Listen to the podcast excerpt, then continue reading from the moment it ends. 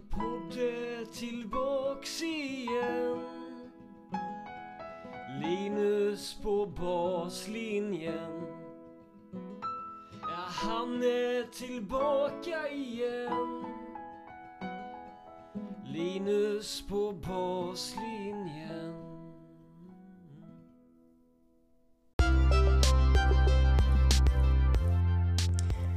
Ni har just satt på ett superfärskt nytt avsnitt av Linus på baslinjen podcast. Idag med Frej Hallgren. Frej Hallgren har en bakgrund som tennistränare men har också under alla år varit intresserad av utbildning. Idag är Frej lärare på Högskolan i Dalarna på idrottslärarprogrammet eh, och har varit utbildare inom Svenska Tennisförbundet samt arbetar nu med att ta fram utbildningsmaterial för det reviderade utbildningsprogrammet för tennistränare. I det här långa samtalet idag så pratar vi bland annat om klubbstrukturen, det nya utbildningsprogrammet, fysisk träning för juniorer under 10 år, hur man applicerar det akademiska med det praktiska på banan, hur mycket tennisens något förändrade karaktär med kortare slagdueller bör påverka hur vi tänker kring träning. Och så pratar vi såklart lite om varför salsa är en bra träningsform för att bli bättre på tennis. Superhärligt avsnitt, så nu åker vi! Frej Hallgren.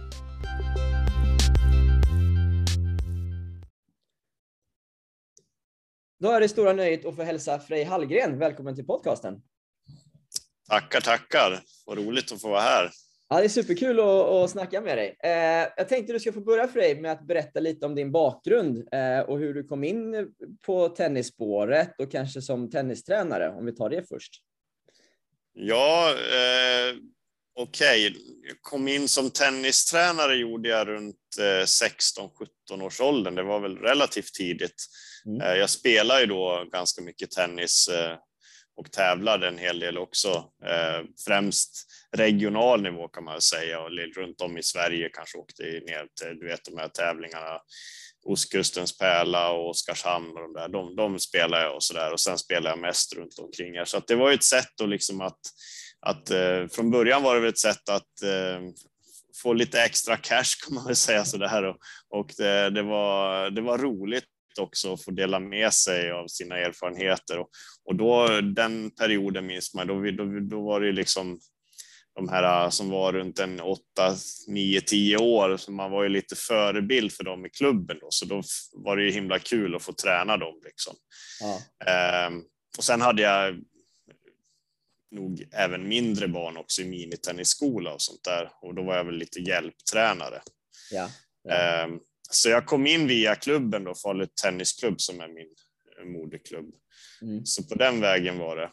Eh, och tennisen kom jag in på en relativt sent får man väl ändå säga då jämfört med många andra som kanske har varit med här. Jag, jag började någonstans i 12 års ålder med min egen tennis. Och, ja. eh, och det var faktiskt också rent slumpmässigt. Jag kom inte från någon riktig sån här tennisfamilj utan, utan eh, min, min mamma var på ett, ett eh, typ retreat i Stjärnsund okay. i, i Dalarna.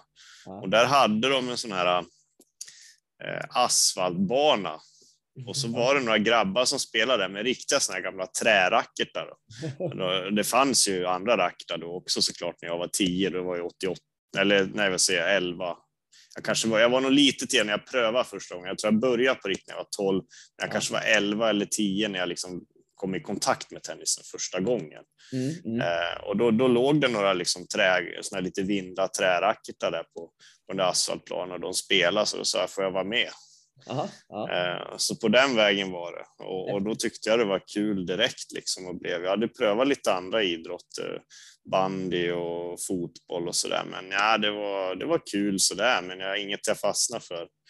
Eh, men eh, jag fastnade direkt för tennisen och sen började jag i en klubb då Svärsjö med Hilding Arnljot och Helena Arnljot hade jag som tränare ibland också om du känner till gamla profiler i svensk tennis. Framförallt Helena då som var, var ju professionell och rankad Ja, nästan topp 20, topp 15 och så där.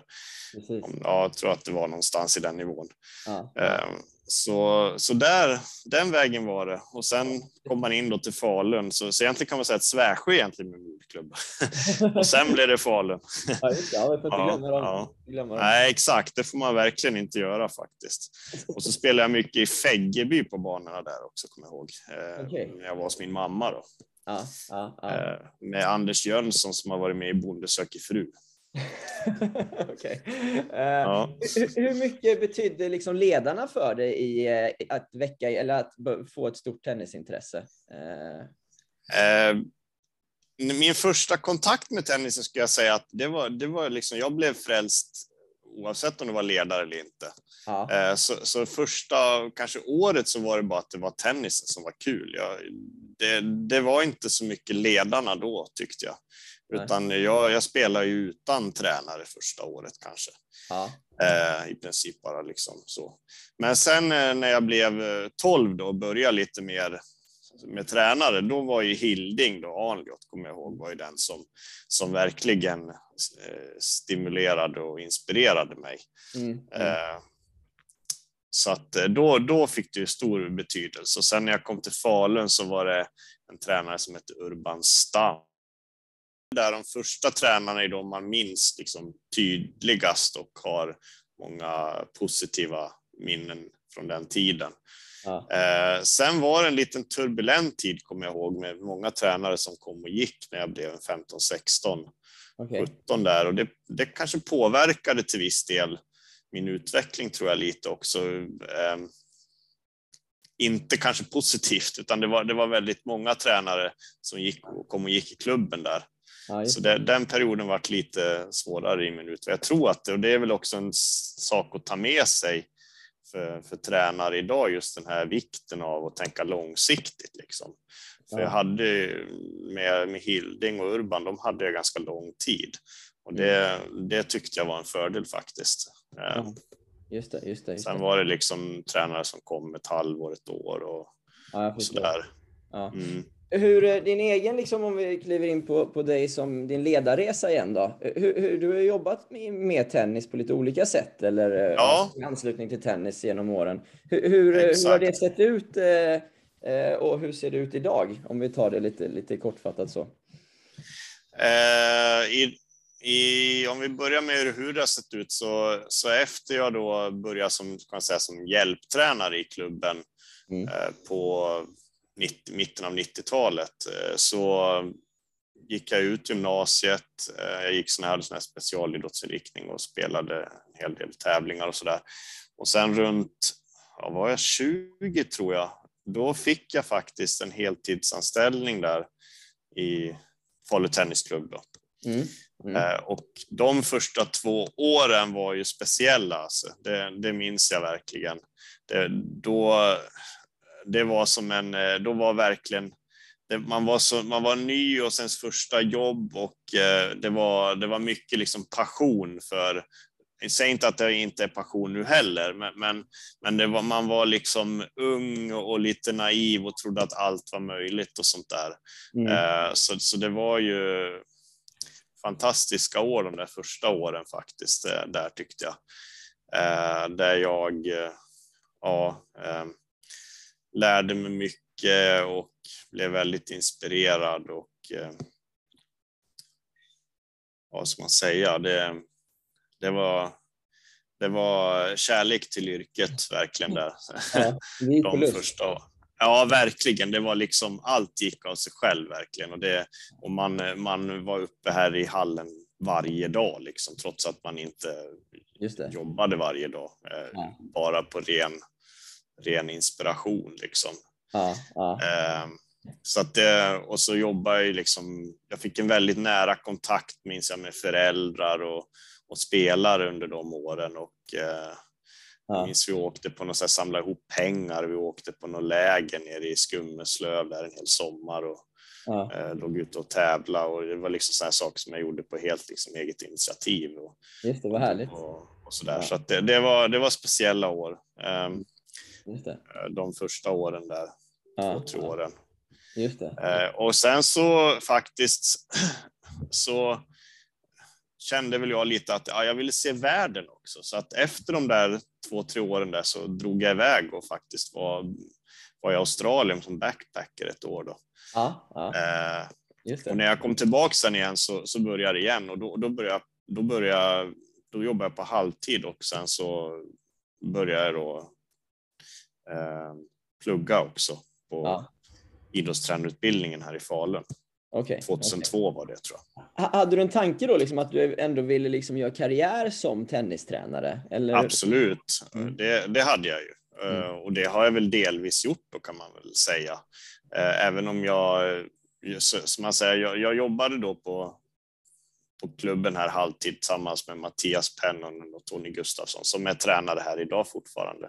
Mm. Vi byggde ju upp den här klubben, vi fick hit Fjordsen, vi hade mycket tankar. Jag hade, jag hade redan då lite tankar om det här med tränarutbildning, kommer jag ihåg. Att jag, jag ville liksom, jag ville på något vis eh, ha en koppling och, och driva tennistränarutbildningar också. Jag tyckte det var roligt. Jag minns att jag fick eh, redan eh, under de åren när jag gick på högskolan så hade jag någon sån här tränarutbildning för för våra tränare här och i Bålänge om jag minns rätt. Eller sånt där. Mm, mm. Eh, Där jag utbildade då på, i det gamla systemet. Eh, Jag tror det hette TLK Just det. 1 och 2, eller här, tennisledarkurs 1 och 2 om det var det systemet. Men, men, men kä- kände du att du hade fått en bra grund att stå på när du liksom kom in som tränare? Att du hade liksom, hade liksom kunskaper att det, Ja. få med dig av på banan? Eller kastades du in i det och kände att vi måste Ja, förbättra utbildningarna? Liksom, så här? Man kan väl säga att de första två åren då, när jag, som jag berättade om, när- då, då gick jag i sådana här utbildningar, alltså, fortbildnings... eh, Steg två gick jag ju i det jätte, jättegamla systemet då, som var på 80-90-talet och sen så gick jag alla de här blocken. Ja. Eh, och det var ju ut- jätteutvecklande då, tyckte jag. Eh, Mm. så att, eh, men eh, sen liksom vad, vad man behöver för kunskap för att vara tränare, det är ju någonting som, som kanske har den synen på vad man behöver kunna för att vara tränare har nog förändrats ganska mycket genom åren. Ja. Eh, när man var, hade gått de stegutbildningarna där och fortbildningsblocken tyckte man nog att man kunde ganska, my, ganska mycket Ja. eh, kände jag ändå. Eh, och så. Men eh, man inser ju med åren att det fanns väldigt mycket saker som man inte kanske Ja, kunde, eh, och för att vara ärlig då.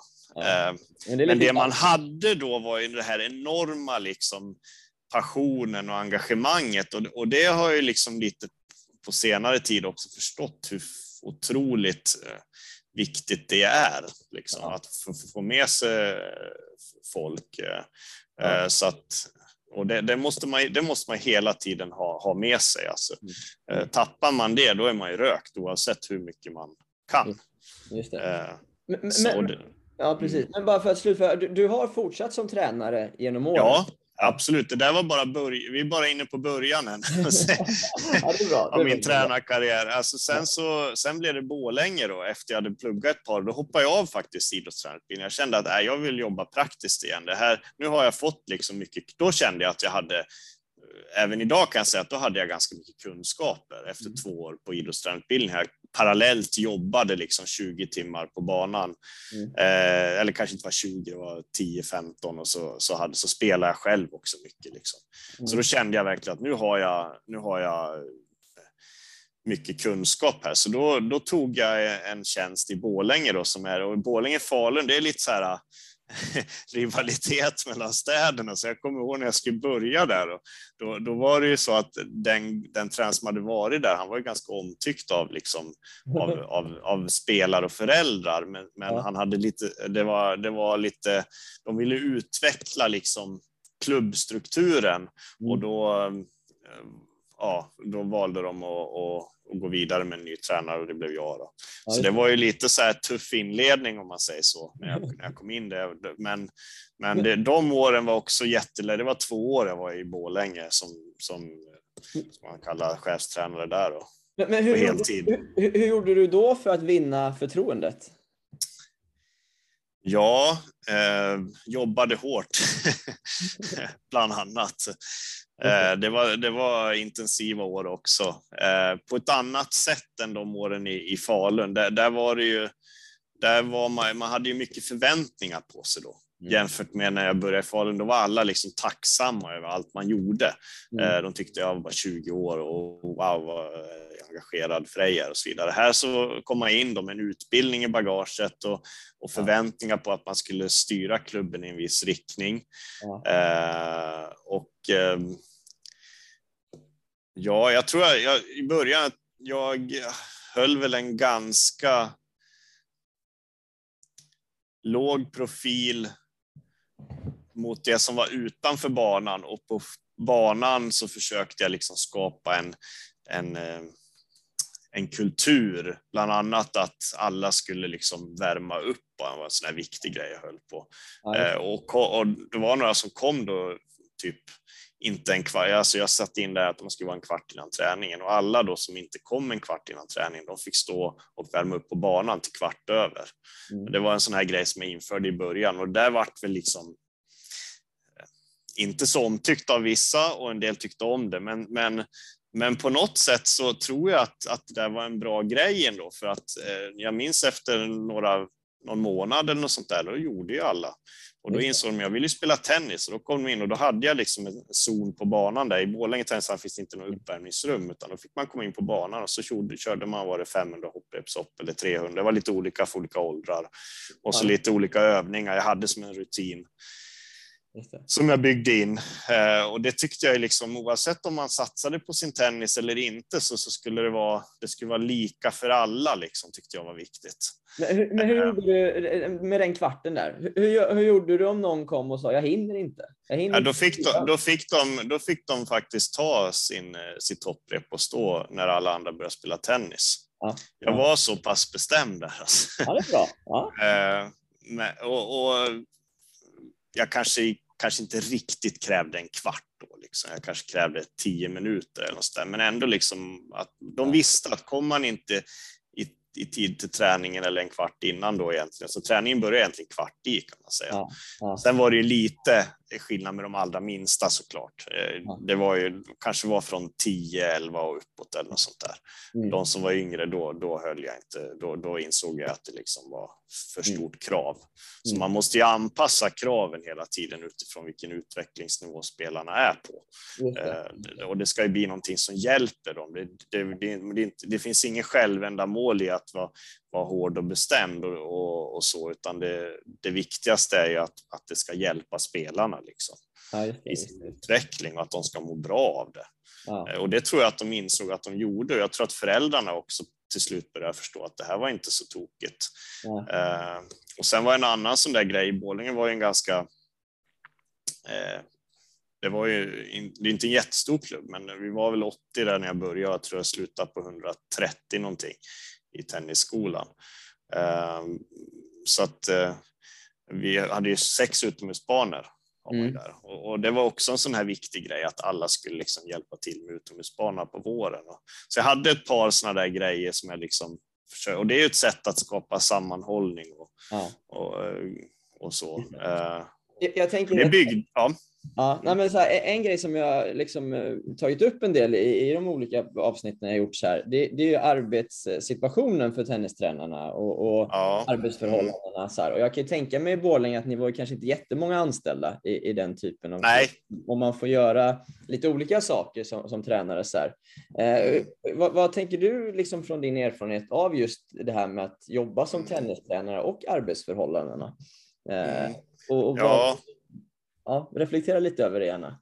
Ja, exakt. Eh, när man är, eller jag ska säga utifrån mitt eget perspektiv, när, när jag var upp till eh, strax innan 30 så upplevde jag nog inte arbetsförhållandena som något problem. Mm. Eh, så, utan jag man var, alltså det var ganska skönt. Man, man, kunde, man jobbar ju mycket kvällar och helger. Mm. Men å andra sidan så hade man ju lite luckor på förmiddagarna när man då kanske kunde gå på gymmet eller träna, träna lite egen tennis och sådär. Mm. Uh, det är klart, det var ju det var ju, det var ju man, man blev ibland frustrerad även då på ett sätt för att man kanske upplevde att man fick lite för många sysslor som inte handlade om att utveckla spelarna mm. eh, på olika nivåer. Liksom. Och det här med, med banorna var ju till exempel, nu säger jag att det var en grej som jag tyckte var viktig, men, men det, det, det vart ju ganska mycket tid man fick att arrangera tävlingar och sånt där som mm. gjorde kanske att man på något sätt Ja, jag, jag, slutade efter två år och det, det var kanske för att man, man, jag var lite så att jag gick in väldigt djupt och engagerat i någonting och sen så kom det då efter två år, ja men vad, vad vill jag då, förutom att vara tennistränare? så kom sådana tankar lite. Ja. Så på det sättet så kanske jag hade, kanske tennisen skulle må bra av att även när man har de här yngre engagerade tränarna eh, och, och även äldre, men, men jag tänker när man kommer in så, så får sin första bild av vad det är att vara tennistränare, att man har lite ramar för yrket för att man inte ska hamna då, nu säger jag inte att, all, att det, ja, men min upplevelse i varje fall var att jag hamnade så här, ja det var superkul, jag engagerade mig och jag lite tappade fotfästet vad jag var vid sidan av, av min tennistränarroll så att säga. Okay. Eh, och det kanske gjorde att jag sen faktiskt till viss del valde, det var nog en av anledningarna att jag, att jag började välja lite det här annan bana längre fram då. Mm. Eh, men jag, efter Borlänge flyttade jag till Stockholm och så slutförde jag mina studier på GIH där. Då. Ja, ja. Då jobbade, jag fortsatte som tennistränare då, eh, 15-20 timmar i veckan ja. på TSK Malmen samtidigt. Då. Och, okay. och sen när jag var klar på GH så, så gick jag, fick jag det var då jag kom in på det här med tränarutbildning. Då skulle du starta en, en eh, träningslärarkurs i samarbete med Högskolan Dalarna.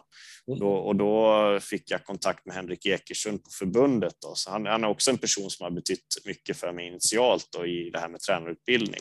Mm. Mm. Uh, och jobbade med honom och dels ta fram nytt utbildningsmaterial och driva de här kurserna. Ja. Som var de, kan man säga, det var ju lite banbrytande för vi hade ju aldrig haft en kurs med koppling mot högskola för tennistränare tidigare ja. i Sverige då. Det var ju första gången. Ja, ja. Eh, så det var ju speciellt de två åren också. Och då jobbade jag som tränare på Kungliga då parallellt med det också halvtid ungefär. Eh, ja. Med Rickard Billing som, och Magnus Enneberg som, som vägledare där kan man säga. Just det. Just det.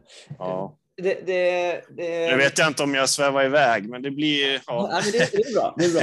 ja. Eh, den här utbildningen mot högskolan som du berättade om, ja. Eh, finns den typen kvar? eller?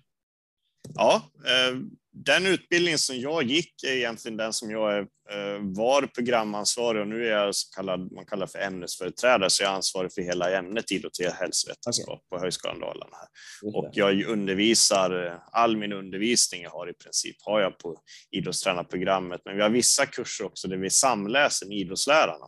Ja. på den här träningen. Så den har utvecklats. Men, men, men mycket av de tankar och idéer som, som växte fram då med de lärare jag hade eh, när jag började utbildningen 2002 finns ju kvar. Just det.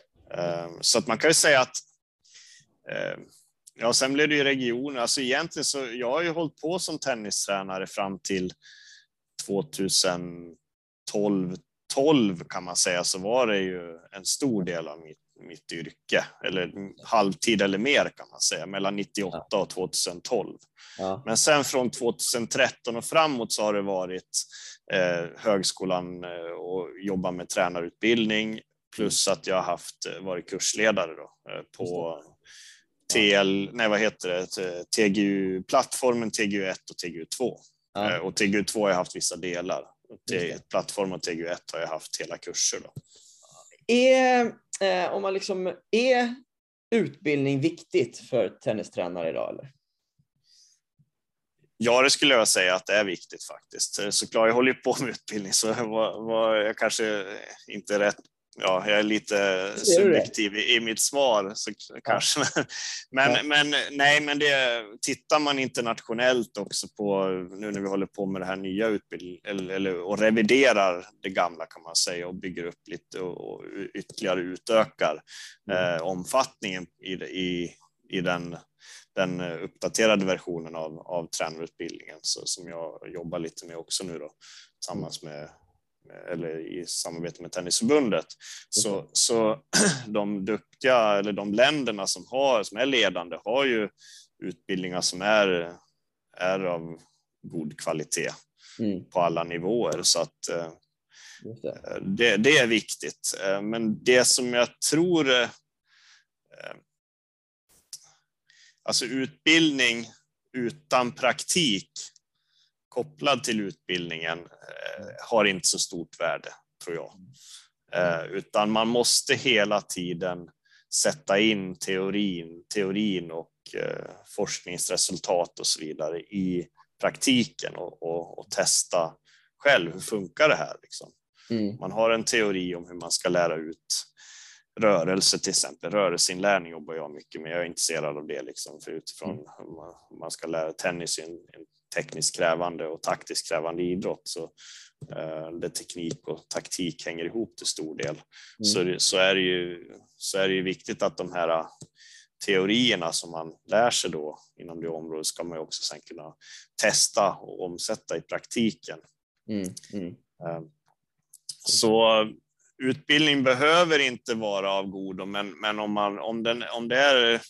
Alltså, men ofta, jag, jag, tycker att nu, vi börjar liksom landa i svensk tennis i ett utbildningsmaterial som är riktigt bra. Mm. Eh, och som verkligen... Med, med, med, riktigt bra, är det liksom med svenska mått mätt eller internationella mått mätt? Eller vad, vad menas med riktigt bra? Eh, det, vi har en, såklart en, en, en bit kvar, eh, men jag tycker att, att om jag jämför liksom, det, internationellt kanske det är vassare fortfarande. Okay. Jag, jag, är inte hundra procent insatt, men, men min känsla är att det är så. Ja. Eh, men att vi, vi tar steg för steg mot att bli riktigt eh, duktiga på att utbilda våra tränare. Ja. Eh, och det som jag tror vi har, som har varit liksom mycket i fokus under de åren jag har varit kursledare har varit att vi vill liksom höja kunskapen hos tränarna om, om idrottsfysiologi, idrottspsykologi, olika delar mm. eh, som är viktiga. För, för att vi liksom, den här kopplingen med med tränarutbildning och, och, forskning och så vidare, den, den kom ju liksom att man skulle koppla tränarutbildning till forskning kom ju med, med det utbildningsmaterial vi har idag lite mer tydligt, är min upplevelse i varje fall. Ja. Eh, att det blev tydligare att vi skulle ha en koppling mot forskning och så vidare. Och då mm. blev det kanske lite att vi, att vi var vissa delar som man kände, här behöver vi höja kompetensen om mm. i tränarkåren.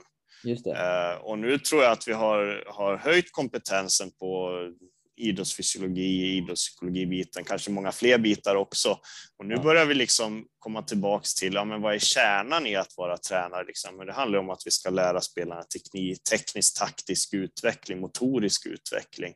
Ja. Eh, och att vi, vi på något sätt i det här nya materialet och försöker lägga väldigt mycket fokus på, på, på den biten igen, eh, mm. hur, hur, vi jobbar på banan. Liksom. Mm. Eh, med det inte sagt att vi inte har gjort det tidigare, det har vi också, men jag tror att, att det, det, det går ju så här i cykler liksom. Och, och nu, har vi, nu kanske det kommer Ja, min ambition i varje fall och förbundets ambition är nog att vi ska, vi ska lägga lite mer fokus på, på teknisk taktisk utveckling, motorisk utveckling i, på de här äh, första nivåerna i det reviderade utökade utbildningsprogrammet som kommer. Just det, just det. Mm. Eh, precis. I, i, ibland kan jag ju tänka att eh, när man lär sig grejer så här, liksom, eh, ja, på utbildning och så vidare, att det, man, man, blir taggad och man känner att man har utvecklats och sen kommer man tillbaka ja. till sin klubbmiljö, att det är svårt ja. att omsätta det i praktiken. Det kommer stora ja. grupper och det är olika nivåer och ja, du, du vet hur det kan vara liksom. Eh, att, att just den biten, hur man arrangerar träningar, blir också väldigt viktig då, tänker jag kanske. Ja, eh. absolut. Det, och det är ju alltid ett, ett dilemma med utbildningar att, att eh, när man lär sig mycket om, om teorier och forskning och så vidare, då får man ju något, på något vis någon bild av det här är det optimala sättet att jobba. Ja. Men verkligheten är ju inte alltid densamma som ett idealt scenario. Man har, liksom, man har begränsad tid, man har begränsade resurser Eh, man har en viss struktur i klubbarna och så vidare. Och det kanske inte alltid spelar överens fullt ut. Mm. Så att det, för att utbildningen verkligen ska få ett stort värde så tror jag också man behöver fundera kring hur man, eh, hur, hur man bygger liksom eh, strukturen och träningssystemen ute i klubbarna och i, med, under ledning av, av förbundet på något sätt då kanske. Mm. Eh, med vägledning, vägledning i varje fall från förbund och region. Mm. Eh, och det, det, det, måste ju både, teorin måste ju utveckla praktiken och praktin måste ju utveckla teorin om man säger så. Eh, I ett sånt här yrke som, som ja. det innebär att vara tennistränare. Det kan inte, och det, det kanske har varit lite för mycket åt det ena hållet när jag, när jag tänker att det var liksom att nu ska teorin utveckla praktiken. Men, vi, men vi, man får inte glömma bort att det måste gå andra hållet också. Och mm. eh, man har liksom kanske utbildning, det, utbildning är någonting, de som utbildar, de, de på något vis är lite högre och sen de som är praktiker, de är lite där. Och det, det, det är någonting som jag har otroligt svårt att acceptera. Mm. För jag har ju otroligt stor respekt för, för uh, tränare eftersom jag själv har varit tränare och vet hur svårt det är att vara en, en bra tränare. Mm. Och det finns otroligt mycket duktiga tränare i, i Sverige. Uh, Men vänta, jag måste bara, för det, det säger ja. att det finns. Varför får vi inte fram bättre spelare då? Finns det verkligen så otroligt många duktiga tränare i Sverige? Ja, det tror jag att det gör faktiskt. Men jag tror att ibland tränarna kanske inte alltid har de förutsättningar mm. som krävs för att kunna ta fram, om vi nu pratar bra spelare. Och sen är det, det är en definitionsfråga, vad är bra spelare också? Jag menar, eh, om vi tänker när vi var som bäst, ja, då räckte det Alltså, då var vi grymma. Eh, och vad var det vi var världsledande i? Jo, det var att tennisen var tillgänglig för alla. Tennisen var inte en överklasssport i Sverige, utan alla vi hade jättemycket banor, närhet till banor. Det finns ju till och med forskningsstudier som visar på det, att framgångssagan var mycket med det. Eh, och eh, och vi hade en väldigt stark ideell, då var det också, då var det så här, då var det ideellt liksom. Alla ställde upp på varandra och, och man jobb, det var inte pengar liksom utan som, som styrde, utan då var det ideellt. Nu är det någon form av blandning också. Det kan ju finnas både för och nackdelar med det. Mm. Mm. Men, men, då liksom, ja då, då var det mer tydligt liksom att, att det här är någonting vi gör tillsammans. Liksom. Mm. mm.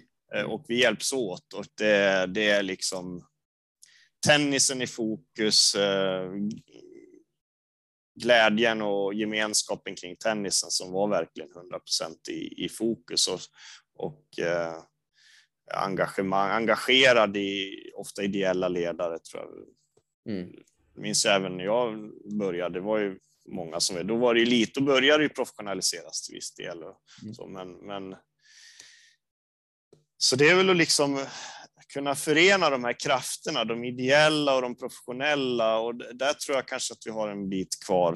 Eh, att verkligen få ett system där, där, det, där det befruktar varandra på ett bra sätt. De två delarna befruktar varandra på ett bra, bra sätt. Eh, mm. Att vi kan bli ännu bättre där. Um, ja vi har ju tassat runt där liksom med, med strukturen och, och, och systemet, med, med, eller klubbstrukturen i, i Sverige. Så här. Tror du att den, tennisföreningarna och den, det systemet är rätt väg att gå in i framtiden för, för svensk tennis? Eller är, kommer det bli vanligare med akademier som har ploppat upp lite grann så här och så vidare? Vad, vad tänker du kring, kring de bitarna? Mm. Ja, eh det är jättesvår fråga att svara på. Vad, vad eh, Men vad tror du? Vad, vad är din känsla liksom så här? Eh, ja. Tittar man utomlands så är det väl så att, att jag, jag har inte rest jättemycket internationellt ska jag säga, utan det bygger mer på vad jag, vad jag har hört och så där. Mm. Eh, det finns många andra här i Sverige inom svensk tennis som har säkert mycket bättre koll på hur det ser ut internationellt. Men, men vad jag har hört i varje fall så verkar det som att i, i, i typ de här stora länderna, Frankrike, Spanien, så har man akademier då, och där där de som är riktiga talanger erbjuder man väl då riktigt bra träningsmöjligheter och sen så finansierar man det med hjälp av att man har en massa då av spelare som betalar för att vara på de här akademierna. Och då mm. kan man ge i princip väldigt mycket till de här riktigt duktiga som man ser är, är talanger. Då. Mm. Eh, och eh, det är klart att det är tufft att konkurrera med, eh, med det klubbsystem vi har och, mm. alltså, och de resurser vi har. Mm. Eh, för resurserna och eh, eh, ja, gör jag, med lite resurser får man begränsning. Man ska göra ganska mycket som tennistränare. Mm. Man ska liksom, ja, man ska ha koll på alla. Ofta är man i en mindre klubb så är det ju många delar. Sen börjar det ju växa fram klubbar också där man har specifika liksom, inriktningar i klubbarna också. Mm. Att, att någon jobbar med spelare 10 till 8 till 12 alltså, och sen har någon som jobbar med lite äldre. Och så det är ju lite tanken i de här nya tränarutbildningarna också, att det ska finnas olika karriärspår, att man ska kunna bli specialist på att träna barn och ungdomar, specialist på att träna senior och junior tävlingsspelare och så. Mm. Efter man har gått de här två första stegen då, eh, bastränare och klubbtränare. Just det. Just det. Men om man tar, om man det, det, är svårt att svara på. Alltså jag vill ju tro att det går och att det går att lyckas med det system vi har. Eh, men, men hur skulle man kunna förbättra det då? Om man vänder på frågan så. Vad, vad tror du behöver förbättras i hur vi jobbar ja. med klubbarna i Sverige utifrån din erfarenhet? Uh, ja,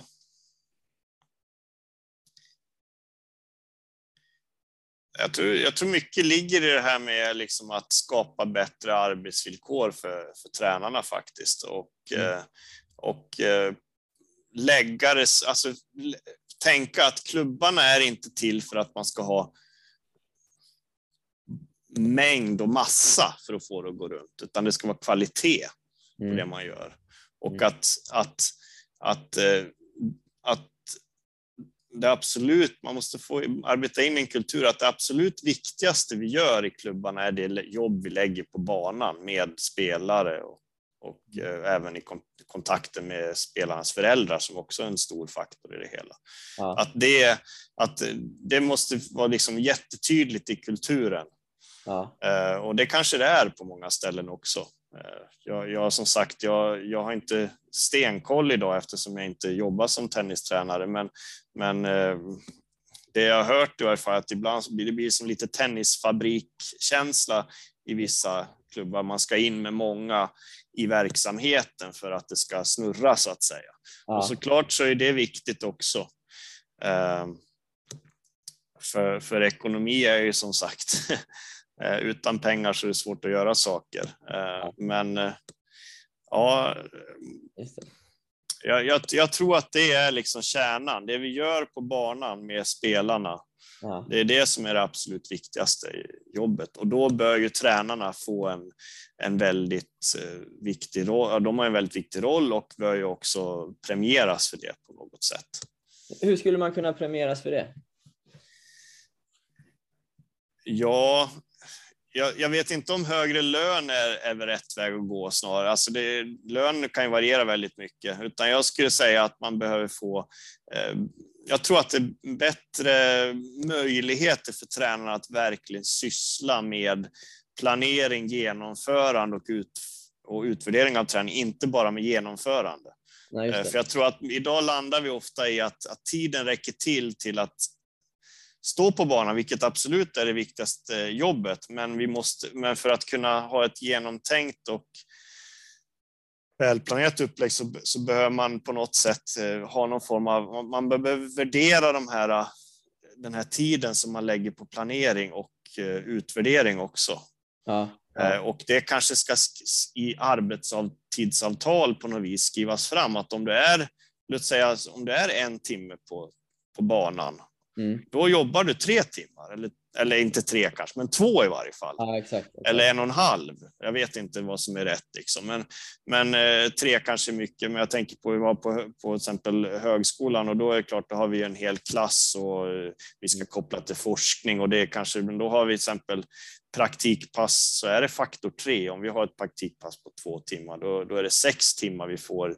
Det står i vårt tjänstefördelningssystem. Liksom. Mm. Nu kanske det är svårt att, att och ha, men, men någon form av liksom där det visar, sig, visar att, att jag har gjort någonting mer än Ja. att bara stå där mellan 10 och 11 på lördag morgon. Ja. Och det tycker jag även för de som är hjälptränare på något vis ska, för jag tror att eller de som är eh, jag, inte heltidsanställda utan som är timanställda. För de har också en väldigt viktig roll. För det är många av dem som kommer till tennisen får första kontakten kan ju vara med en timtränare. Oftast är det väl så till och med? Ja, och första, exakt, och första kanske året, två åren. Eh, och det lägger ju liksom grunden Mm. Mm. eh, för om man får intresse för tennis och eh, eh, även eh, om man lär sig liksom de tekniska, taktiska, motoriska färdigheter som är grundläggande för att kunna bli duktig sen på, på sikt. Mm. Och sen en annan sak vi inte får glömma bort, där vi pratar om vi ska få fram bra spelare. Jag tror att det, det kan vara en viss fara i att vi liksom hela tiden pratar i termer att vi ska få fram bra spelare, utan vi ska, få, vi ska, få, vi ska ha ett bra träningssystem. Mm. Och en frukt av det här träningssystemet blir det är liksom lite grädde på moset, blir att vi kanske får fram någon bra spelare. Mm. Men det ska inte vara att få fram bra spelare som är i fokus, utan det ska vara att vi får fram ett bra träningssystem och en bra klubbstruktur där tränarna är liksom de som är de viktigaste personerna i varje klubb. Mm. Mm. Eh, För det, är, det, är, det tycker jag att, att, att de är. Ja. Utan ja, men- tränare finns ingen klubb. Nej, nej eh, det, det är helt riktigt. Ja. Eh, och det, det råder ju lite tränarbrist på många håll i, landet, så det är ju viktigt Ja. att vi uppmuntrar det. Du, du nämnde Ja. det här liksom i, i det nya utbildningsmaterialet, där man, man eh, i en viss fas kan specialisera sig lite mot en viss typ av vad, man vill gå åt för riktning som tränare. Ja, just det. Mm. Kan du berätta lite mer om det och vad man hoppas att det ska liksom leda till? Nu, nu är inte jag kanske 100% insatt i de kommande stegen, utan det är ju Okej. eh, Mikaela Karlsson som är utbildningsansvarig. Och så. Men jag, jag pratade lite med henne faktiskt här om, och det, ehm, alltså för att ge en liten summering vad, vad som är det nya i det här reviderade materialet. Eh, det, det har utökats i omfattning och, och det är ju för att vi ska kunna bli certifierade på enligt ITF då på, vi är ju silver nu, vi ska bli guldnivå som det heter då. Och många av de ledande tennisnationerna är ju det. Ja, Eh, även, jag måste lägga, även länder som inte är ledande är, har legat för oss där. Men absolut. Ja. Ja. Mm, ja, exakt. Jag, jag har inte stenkoll, men vad jag förstått i varje fall, vad jag har hört så att säga, Ja. eh, så är det så. Eh, och eh, certifiering i sig har ju inget värde, utan det är ju att vi får liksom eh, en möjlighet att, att kvalitetssäkra de olika stegen i tränarutbildningen. Mm. Eh, och det som är liksom nytt, som jag sa, det nytt i den här reviderade versionerna, revideras på utbildningsmaterialet, eh, tänker jag, det jag var inne på tidigare, att vi, vi kanske, förut så började vi stärka kompetensen och träna på vissa områden. Nu handlar det om helheten. Liksom Mm. att, att, all, att redan på bastränarutbildningen så, så berör man de olika delarna. Så man, får, man får inte en liksom förenklad bild av vad det innebär att vara tränare, utan eh, man, man, får, man går in på teknisk taktisk utveckling, man går in på motorisk utveckling, eh, de psykologiska, alltså idrottspsykologiska delarna eh, och eh, vad det innebär att jobba i klubb lite och sådär. Men alltså man, man får en mer helhets eh, och, och bild av vad tränaryrket innebär, är, är, är ambitionen i varje fall. Mm. Eh, snarare än att man stärker sig på vissa områden. Liksom. Mm. Utan, Mm. eh, och sen så, så blir det en progression för att man fördjupar sig mer och mer eh, med, och, och hela tiden den här tanken att det ska vara teori praktik som integreras. Mm. Eh, och sen då när man kommer in på de här karriärspåren, då är ju tanken att, att en tanke med det är väl att om man tänker sig så här lite i media, vilka tränare är det som, som får den stora uppmärksamheten? Mm. Ja, om vi tänker på, det är de som syns, det är de som syns i media och det är de som tränar elitspelare då kanske. Mm. Eh, I media så att säga. Mm. Eh, där, där sånt, sånt som den media som når i varje fall gemene man så att säga. Så Just det. det som är utanför liksom tenniskontexten. Sen har vi ju eh, poddar som den här som är jättebra tycker jag och där, där man liksom kommer i media, även fast man kanske inte då är, är men, men det som når liksom ja, hela samhället. Ja, ja, eh, och då har jag lite bilden av att den, den, den, den anställde och professionella tränaren, den tränar elitspelare. Just det. Liksom. Eh, och med det här materialet så vill vi då så att säga höja statusen att vara barn och ungdomstränare mm. och såklart också höja statusen att vara junior och senior elittränare. Mm. Eh, och sen så finns det också ett karriärspår som vi pratar om som är klubbchef eller klubbutvecklare, liksom, där man jobbar med, med större frågor och utvecklar träning. Kanske det här som jag var inne på, struktur, träningssystem och, ja. och även tänk, koppling till hur man finansierar ett sådant system så att säga mm. med management och den här biten. Eh, och då är tanken, man, man går ju bastränare, sen går man klubbtränare och klubbtränaren det är ju den som, som, eh, som jobbar eh, med många olika arbetsuppgifter i, i klubben. Mm. Men, eh, eh, men kanske inte har huvudansvar då för, för, eh, för elitträning och för klubbstruktur och så vidare, men att man, man, är en, man, man, man, man jobbar mer väldigt verksamhetsnära på banan. Men, men, men, även där ska man ju ha, ha vissa möjligheter att, att kunna utveckla också verksamheten. Men, ja. men i dialog med då de som har valt tennistränaryrket som karriärspår. Och då har man ju gått och någon av de här tre, eh, junior, tränare, barn och ungdomstränare eller som kallar det och eh, elittränare, senior, junior mm. och sen eh, klubbchef. Då. Och sen så, så, som jag förstår det ska det också finnas en möjlighet att gå alla de här tre spåren. Okay. Eh, liksom att man, att man kan gå. Och sen ska det finnas också vissa eh, kallar det för liksom fortbildningskurser kopplade där man kan ytterligare vässa ja. sin kompetens inom de här tre karriärspåren på sikt. Då. Ja, ja, spännande. Eh, så att eh, Ja, vad var frågan från början? Ja, jag tyckte du besvarade ja. den ganska bra. Ja. uh, absolut. Ja. absolut. Ja, men, men spännande när det, när det utvecklas uh, grejer där. Om, om man. Vi har pratat lite om det och du har svarat lite på det här också, men just det här med att uh, applicera det akademiska med det praktiska. Så här.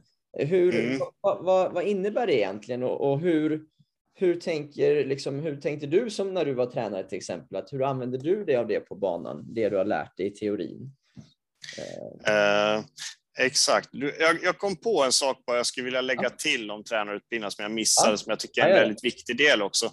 Jag var inne på det här att vi tänker liksom att vi ska utveckla, få fram spelare.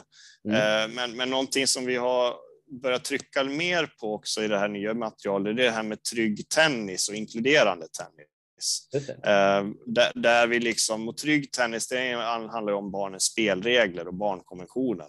Ja. Att, att, att, att, tränarna ska få en utbildning kring hur vi skapar en, en trygg och god utvecklingsmiljö mm. för, för våra barn och ungdomar. Och sen är det ju inkluderande tennis då, det har ju med det här med diskrimineringsgrunderna, att alla ska, egentligen handlar det ju om idrotten vill, alla ska ge samma möjligheter att vara med. Och mm. det, det står ju i, i, vårt styrdokument egentligen, som är det vi ska förhålla oss till som tränare, det är idrotten vill, som är vårt primära styrdokument, och det är barnkonventioner och det är diskrimineringslag och så vidare. Sånt. Mm. Uh, och, att alla, och det här att alla ska få vara med, det, ja, det kan man ju man kan ju tänka sig, ja men alla är välkomna, men kan vi ta emot alla så att säga på ett bra sätt som mm. kommer till tennisen? Och det tror jag också är någonting som vi, vi kan bli bättre på och som är otroligt svårt att bli jättebra på. Men, men just det här att vi ska kunna ta emot alla och veta hur vi hanterar personer som kanske har någon, någon funktionsvariation och så vidare. Mm. Och det finns ju faktiskt många som, som, som har olika typer av funktionsvariationer som uh, det kan ju vara dels paratennis, där har vi varit väldigt framgångsrika till exempel. Där, där, där gör vi ett jättebra jobb tror jag. Mm. och så. Men sen tänker jag på de här som är lite mer osynliga, de här diagnoserna som, som, som man kanske inte märker direkt. Mm. Och där tror jag vi behöver höja vår kompetens och en del av dem som kanske typ har eh, någon, eh, någon diagnos där de är lite överaktiva, de kan ju bli otroligt duktiga ibland. De kan ju ja, bli, alltså det är ju sådana som kan bli ibland ja, exakt. nästa, nästa liksom stjärna. Mm. Eh, så, så det tror jag vi behöver också, apropå det då, att vi ska få fram spelare också. Så det, allt, alla de här pusselbitarna, liksom, att få ett, ett, system där vi kan ta emot alla på bästa möjliga sätt gör ju att vi får ett bättre system och då också kommer frukterna. Just det, just det, just det. Just det. Ja, nu blev det lite mer om det där, men, ja, men vad var det nästa nu? Det var... Nej, men just det med akademiska eh, ja, in i exakt, det liksom inslagen. Ja. ja. Mm. Hur jobbar man med det då, liksom i praktiken? Att få in det akademiska i det praktiska. Ja. ja jag, jag tänker så här att man behöver en tankekarta som tränare. Ja. På något vis. En, en, och det är det man kan bli hjälpt av genom att sätta sig in i olika teorier, sätta sig in i forskning. Mm. Eh, man kan ju ha en tankekarta som, som är helt grundad i praktiska erfarenheter också, men, men risken med en sån tankekarta är att den blir begränsad och ganska snäv mm. Eh, och till viss del oreflekterad. Ja. Eh, men när man utbildar sig så vidgar man ju sina perspektiv mm. Eh, och utvecklar den här tankekartan. Mm. Mm. Man, man, man, skapar någon form av struktur i huvudet för hur man ska både skapa inkluderande miljö, eh, hur man ska skapa nya träningsövningar för att utveckla teknik. Eh, så, så, så med, med liksom en, en, en sån, sån tankekarta eh, man behöver ju en, en, karta för att nå målet. Liksom. Ja, och, och, ju bättre den kartan är, ju, ju större chans är det att man når målet på, på kortast eller bästa möjliga sätt. Så, så, tänker jag lite. Och, eh, det fanns ju någon sån här filosof någon gång som sa att det finns inget mera praktiskt än en god teori. Ja, ja, eh, men ja, just det. Men som teori... menar på det att, att, att en teori är ju i högsta grad någonting praktiskt om den används på rätt sätt. En, en teori ska ja. ju kunna förklara verkligheten och dra slutsatser om eh, vad som händer i framtiden. Mm. Eller om jag drar slutsatser om vad som händer om jag gör si eller så. Mm. Mm. Just det. Just det. Och eh, om jag som tränare är bra på att, att eh, kunna dra slutsatser om vad som händer om jag, lägger, om jag tränar på det här sättet kontra det här sättet. Ja. Eh, och, och, kunna se att den här vägen, den här typen av träning är liksom bättre i den här situationen och för de här spelarna i den här miljön än, än den andra vägen att gå. Mm. Eh, och kunna liksom göra bet ta bättre beslut där helt enkelt. För tränare, och vara tränare handlar ju till väldigt hög grad om att ta rätt beslut. Just det. Just det. i olika situationer. Ja. Och, och med, en, med en väl utvecklad så här liksom mindmap eller tankekarta, mindmap använder man, mindset kanske man skulle kunna säga också, ja. eh, så ökar ju möjligheterna för att man blir framgångsrik i sitt tränarskap, tänker jag. Sen säger jag inte att det inte det går att få utan akademiska studier. Det gör det säkerligen. Men jag tror att vägen dit kan gå lite snabbare med en akademisk koppling i, i utbildningen. Just det, just det. Akademiskt tänkt liksom. Ja, ja. Generell liksom. Mm. Ja, ja. Så, eh, upplevde du att, eh, liksom, nu vet jag att du inte jobbat som tränare på slutet här nu, men, men ju mer du lärde dig, för att Ja. liksom, eh, utbilda dig och for, forskningsresultat liksom, resultat och så vidare, ju mer du lärde Ja. dig, kände du att Ja. du blev en bättre tränare av det? Ja, det skulle jag nog säga att jag, att jag gör. Jag, jag, sen är det klart, Blir man inte lite det, mer, det, alltså ju mer man vet, ibland blir man också Ja. mer osäker på vilken väg, alltså ja, vad man ska använda sig av kanske. jag tror det var, det var en del, en, en, en, under de åren när jag jobbade, det jag beskrev efter jag hade varit heltidsanställd i Falu TK och sen började plugga och liksom, då vändes ju saker lite upp och ner.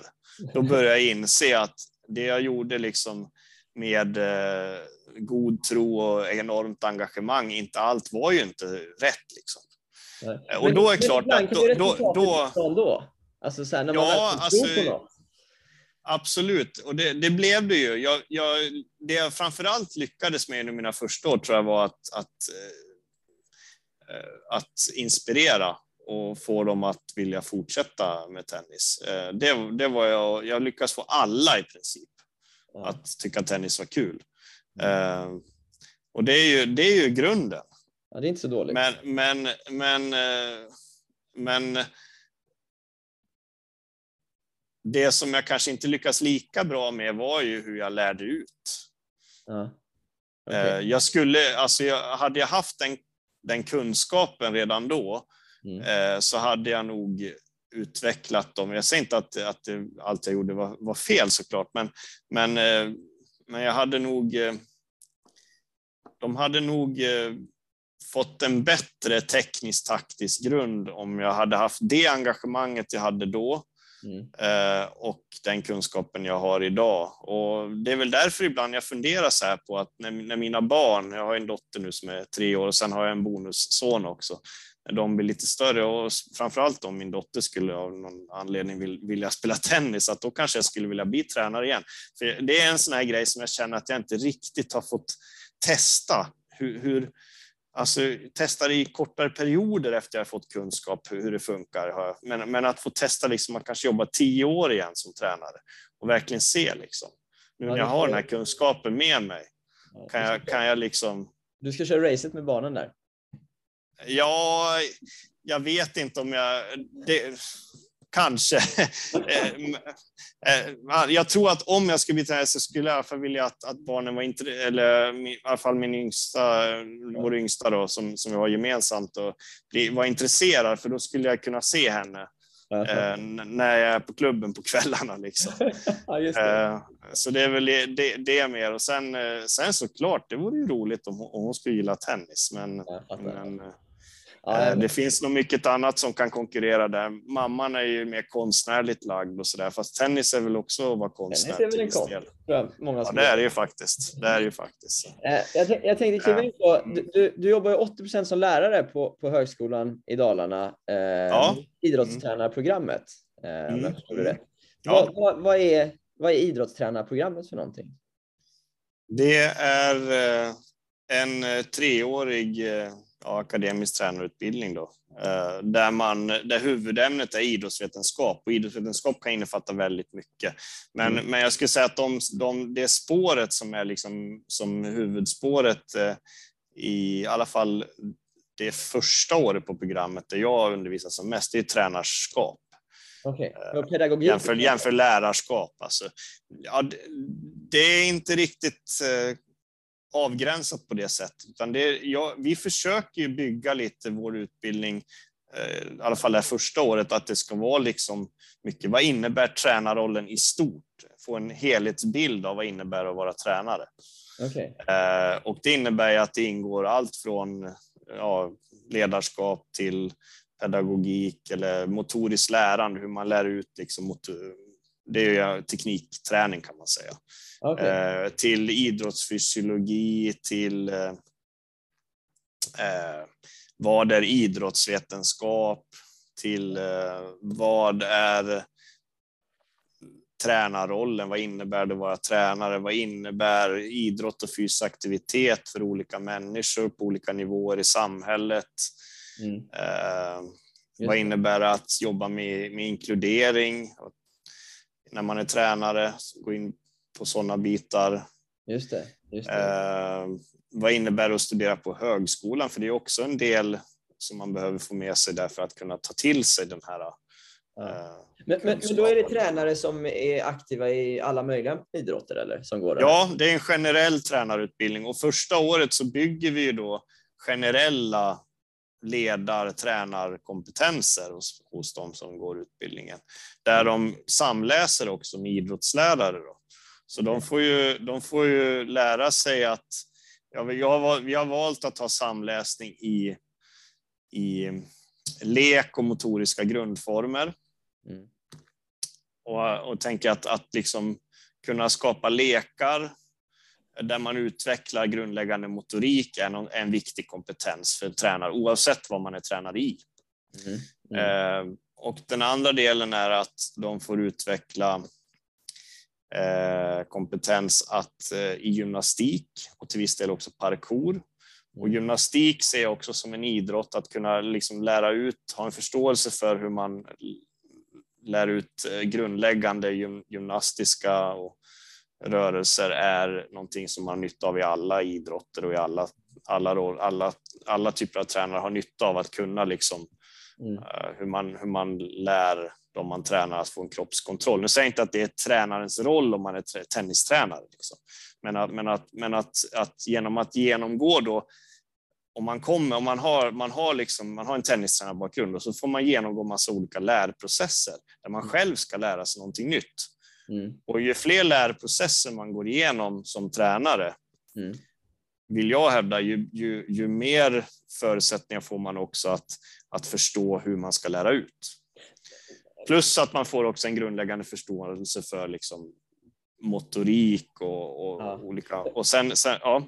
Men, men, men, de grejerna som liksom man lär sig på det här programmet då, till exempel, ja. det, det får man inte med sig av att bara gå tränarutbildningarna i svensk tennis, eller?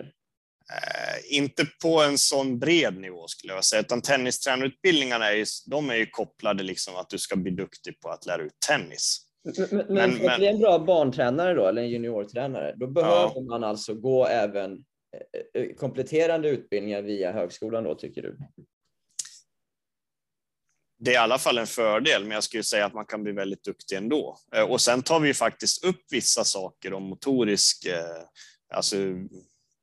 idrottsgenerella och tennisspecifika Eh, såna här kombinationsmotoriska färdigheter, hur man kan lära ut till exempel där man gör någonting med benen och någonting annat med armarna, kombinationsmotorik, att kunna röra sig och samtidigt ta iväg Eh, ta emot en boll, skicka iväg en boll eller skicka iväg en boll med racket och så vidare. Och, så, och sen mm. också eh, till viss del också tänka att, att vi, vi går in på vad är motoriska grundformer också på mm. bastränarutbildningen. Hoppa, mm. kryla, åla, rotera, rulla och det är ju det när vi, när vi lär ut gymnastik ja. på våran utbildning, då är det ju rotera, hopp, rotation, hopp, eh, hänga och eh, ja, det är de här liksom grundläggande eh, motoriska grundformerna så använder vi gymnastik för att utveckla det. Ja, jag förstår, jag förstår. Och sen så går vi även då in på mål och nätspel mm. som jag också tänker att, att ha en förståelse för hur man utvecklar sig, att ta emot, skicka iväg färdigheter. Ta mm. emot en boll, skicka iväg en boll i ett nätspel eller i, mål, i ett målspel är också grundläggande för en tränare att ha en viss förståelse om det. Och så friidrott. Okay. Ja. Så det är första året när det gäller, och sen så får de grunder i idrottsfysiologi också mm. och annat som är idrottsfysiologi. Och sen är nästa år då, då får de liksom gå in i, i kurser där de får designa egna träningsprogram mm. specifikt kopplade mot sina egna idrotter då, som, de, som de är intresserade av. Eh, som okay. de har, ja. Så, så de sist, andra året är mycket det och sista året är praktik verksamhetsförlagd praktik och sista terminen är eh, ett examensarbete och kandidat. Och då är det ju att man fördjupar sig i det man är mest intresserad av. Det kan ju vara att man till exempel en träningsplanering för en idrott eller någonting och försöka testa hur funkar den i praktiken och utvärdera och så där. Eller det kan vara andra saker också. Ja, när, när vi var inne där på, på fysiska färdigheter och, och fysisk träning. Om man tar liksom yngre, yngre barn, tio år och yngre. Hur, hur tycker du mm. klubbar ska liksom bedriva den typen av träning i sina verksamheter? Eh. Ja, jag tänker att när man är innan pubertet Mm. Så jag brukar prata om olika fönster i träningen. Det här är någonting jag haft också när jag undervisat på, på de här ja. stegutbildningarna. Att fönstret kan ju vara mer eller mindre öppet. Mm. Och det är aldrig något fönster som är helt stängt. Men om vi tänker styrka, uthållighet, koordination, mm. snabbhet, rörlighet, de fysiska grundegenskaperna. När är fönstret som mest öppet för de olika delkapaciteterna? Mm. Om vi då tänker prepubertal ålder, då är ju nervsystemet i sin in väldigt aktiv, den utvecklas mycket. Mm. Eh, det, är, det är plastiskt så att säga. Det, det påverkar, man kan påverka hur man liksom skapar de här nervbanorna eh, som egentligen är att kunna göra rörelser. Att man skickar signaler på rätt sätt till rätt muskel. Det är det det handlar om, liksom, rent mm. fysiologiskt, att utföra en rörelse. Mm. Eh, och de är väldigt påverkbara och, kan man, och då, så då kan man säga att det fönster som är på vid gavel mm. är ju koordin, koordination, alltså den delkapaciteten. Mm. Det vi kan utveckla, mm. framför allt eh, i den åldern. Vi kan även utveckla snabbhet. Vi kan även utveckla styrka. Mm. Styrka är också någonting som är forskning har visat är väldigt viktigt att lägga fokus på. Och vi kan även utveckla uthållighet. Men när vi utvecklar snabbhet, styrka och uthållighet så är det de koordinativa delarna i snabbhet, styrka och uthållighet som vi får bäst effekt på. Okay. Så om vi vill träna snabbhet med barn, då ska vi inte liksom träna snabbhet eh, eh, där, där vi ska utveckla den här mer kanske delen som handlar om att eh, optimera maxhastighet eller något utan vi ska jobba med, med att utveckla löpsteg om det är sprint vi ska hålla på med eller hur, hur vi, om vi tänker tennis, hur, lära ut tekniken för att kunna röra sig snabbt på banan. Alltså det ska hela tiden vara det koordinativa fokuset om vi tränar snabbhet. Att, att det är tekniken för att kunna bli snabb på banan. Men vadå, hur, man, rör, hur man rör armarna när man springer liksom? Eller vad, vad... Ja, alltså, i tennis så, så han, det handlar det dels om. Liksom.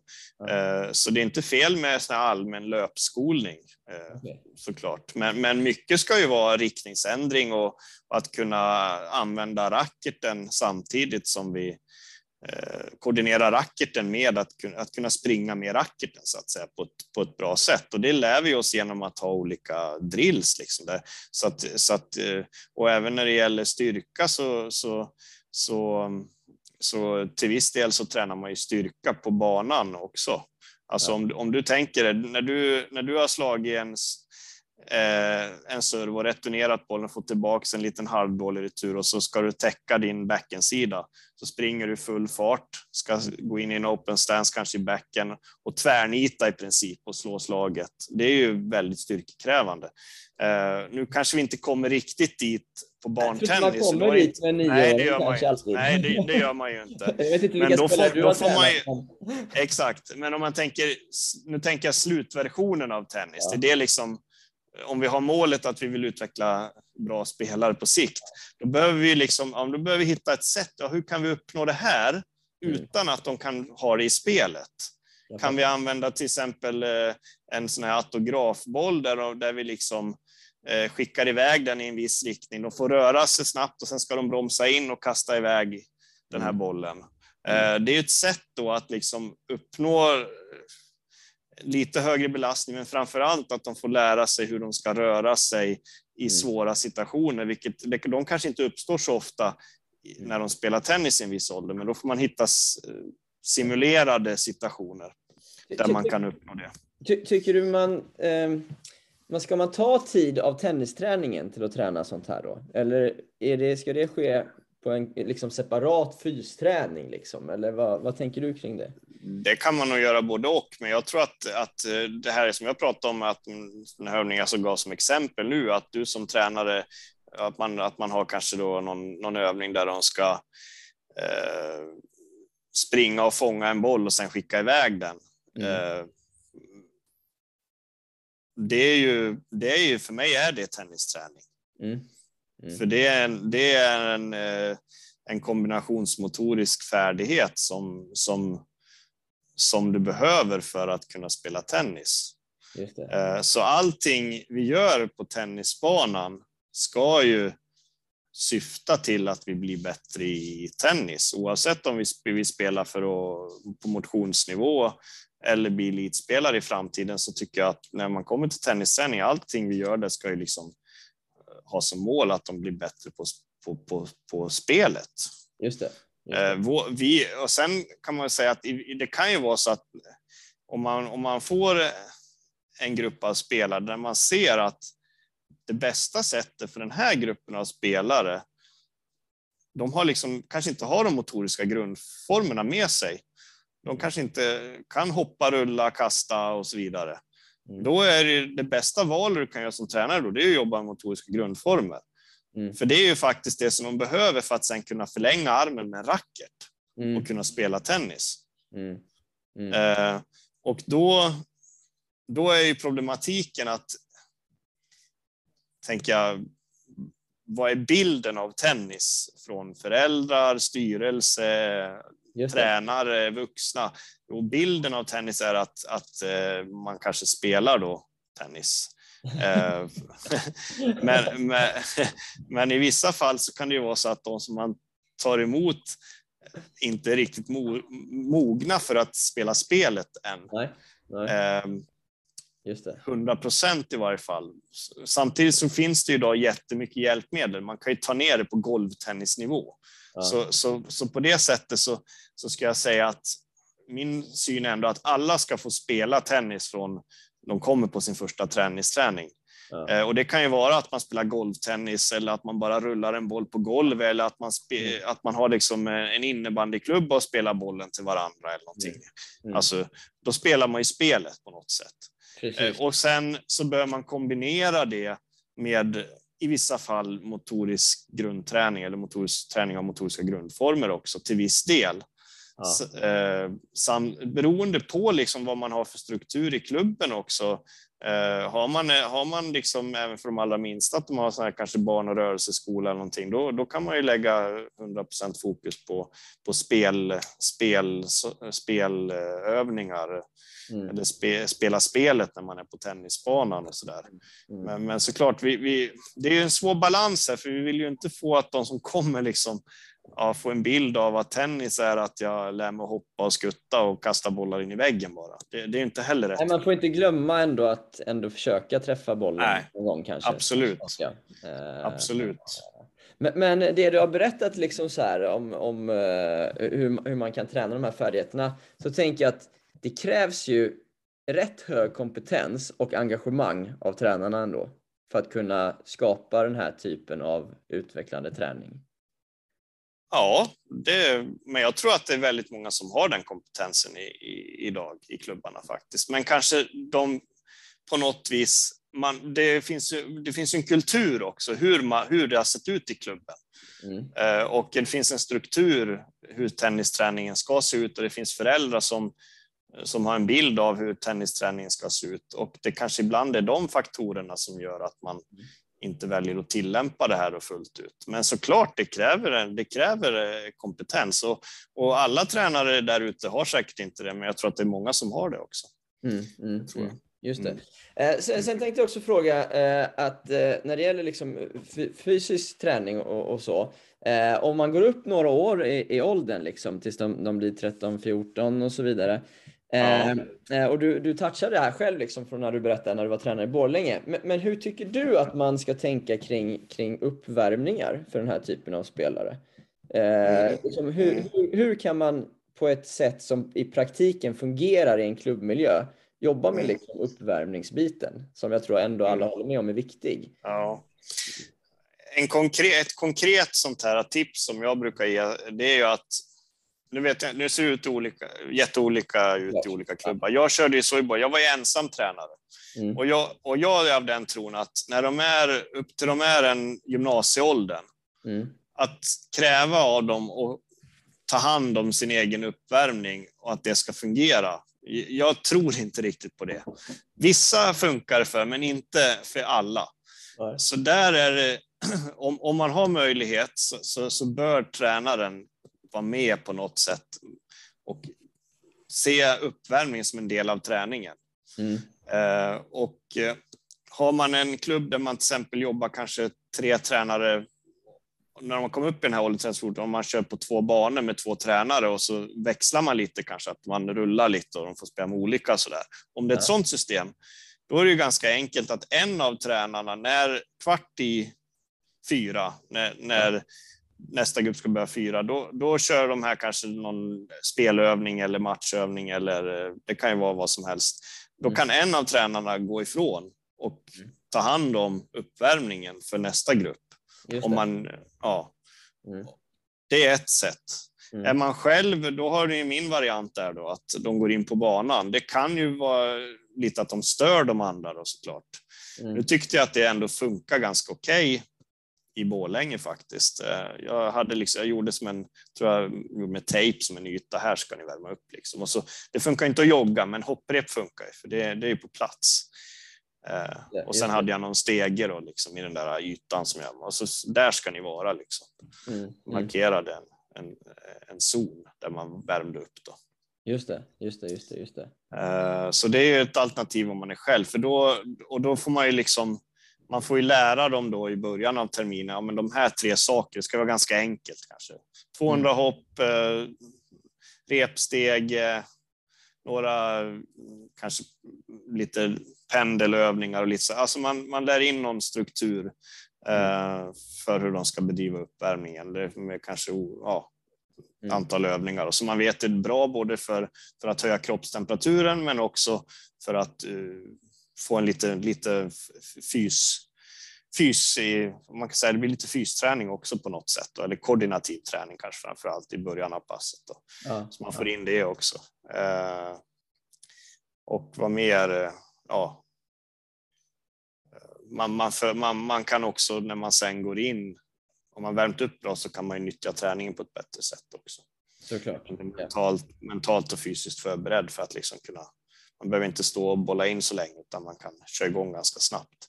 Någonting jag brukar göra också för, för att man, om man ser på att man har en kvart, sista fem minuterna kan ju vara att spela volley-volley till exempel.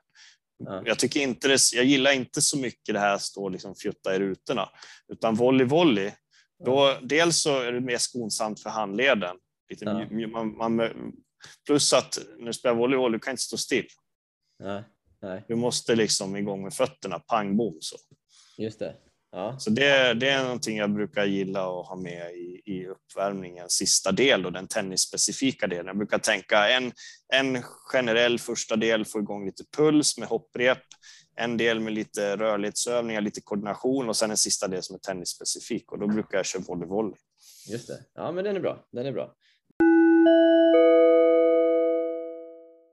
Hej allihopa! André Göransson här. Eh, uppvuxen i Höllvikas Tennisklubb och numera dubbelspelare på ATP-touren. När jag var 12-13, ja, fram tills jag var 18 ungefär, eh, så åkte jag på en hel del eh, Euroleague Tours, bland annat till Afrika när jag var 16 och Asien när jag var 17 och sen Sydamerika när jag var 18. Fantastiska resor på många olika sätt. Väldigt lärorikt och, och bra att få se andra länder och komma bort från ens comfort zone, vilket är jättebra förberedelse för, för college och även sen på eh, ATP. Sådan. Eh, och det är inget som jag ångrar idag och eh, jag tycker verkligen att många andra ska gå samma väg eh, och åka på en hel del Euroleague-resor eh, innan de åker på college.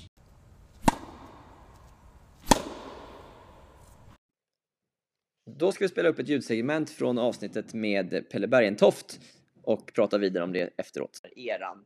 Eh, så jag har hört att det, det är liksom många träningar har byggt mycket på mycket slagträning. Att man, ja. man kämpar mycket. Jag har hört eh, övningen åtta bollar så återkommit i, jag vet inte hur många intervjuer jag har gjort. Eh, ja.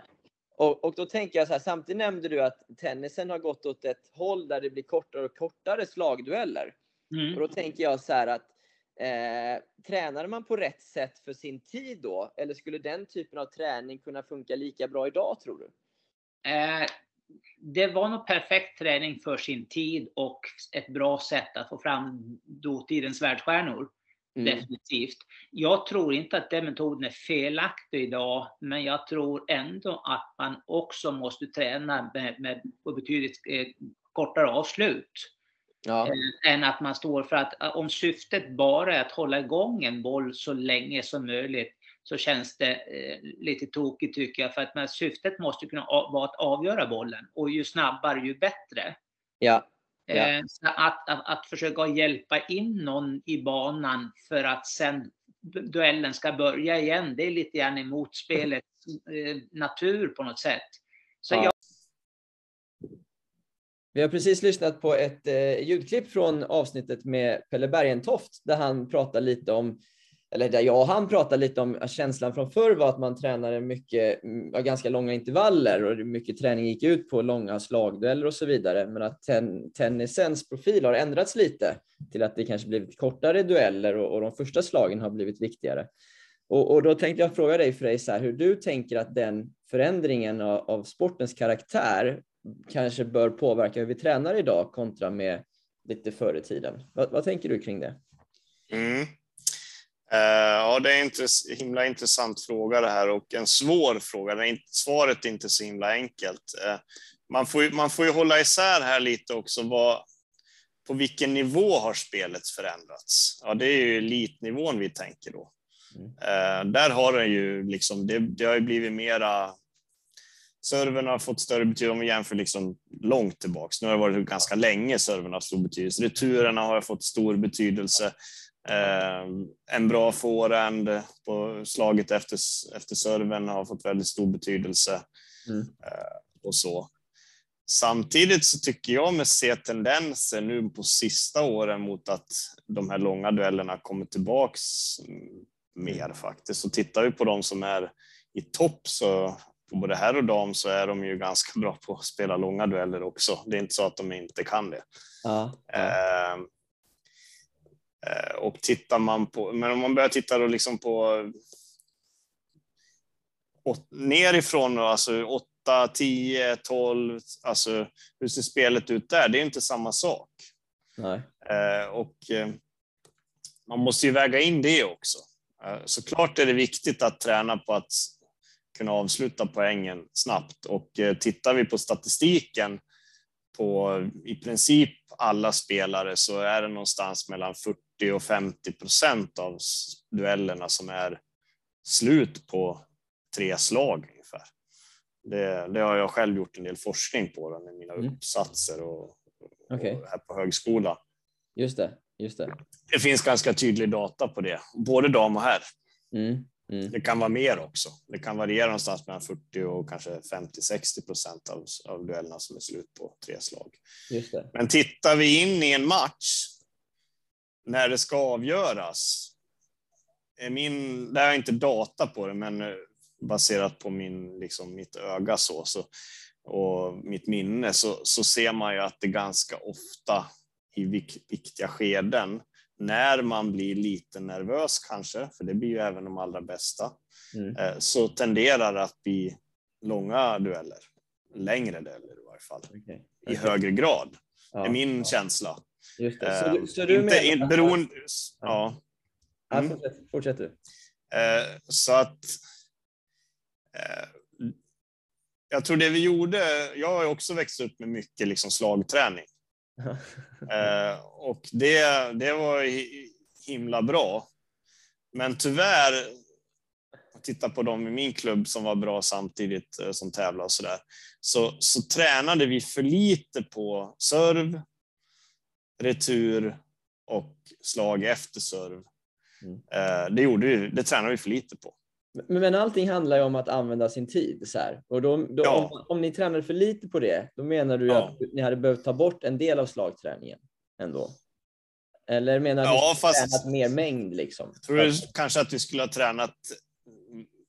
Ja, för om man ska säga att vi skulle ha blivit riktigt, riktigt bra så hade vi nog behövt träna lite mer. Och ja. då skulle vi ha lagt den tiden på servretur och Just det.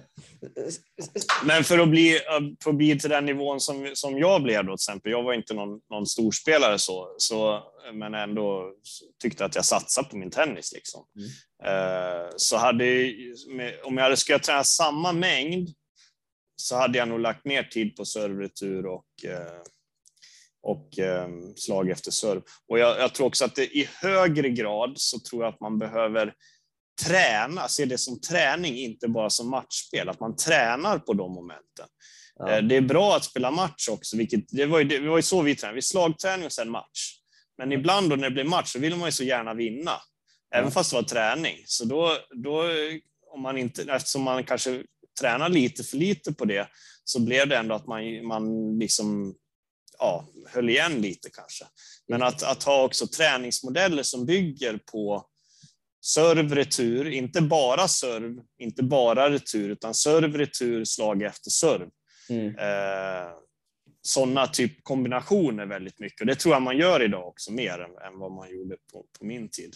Eh, det tror jag många tränare börjar tillämpa mer. Eh, vad, vad jag vet. Tänker, du, du började ju med, med, att prata om att liksom, eh, när, vi, när vi pratar om att det är kortare dueller, att det gäller proffstennisen ja. framför allt.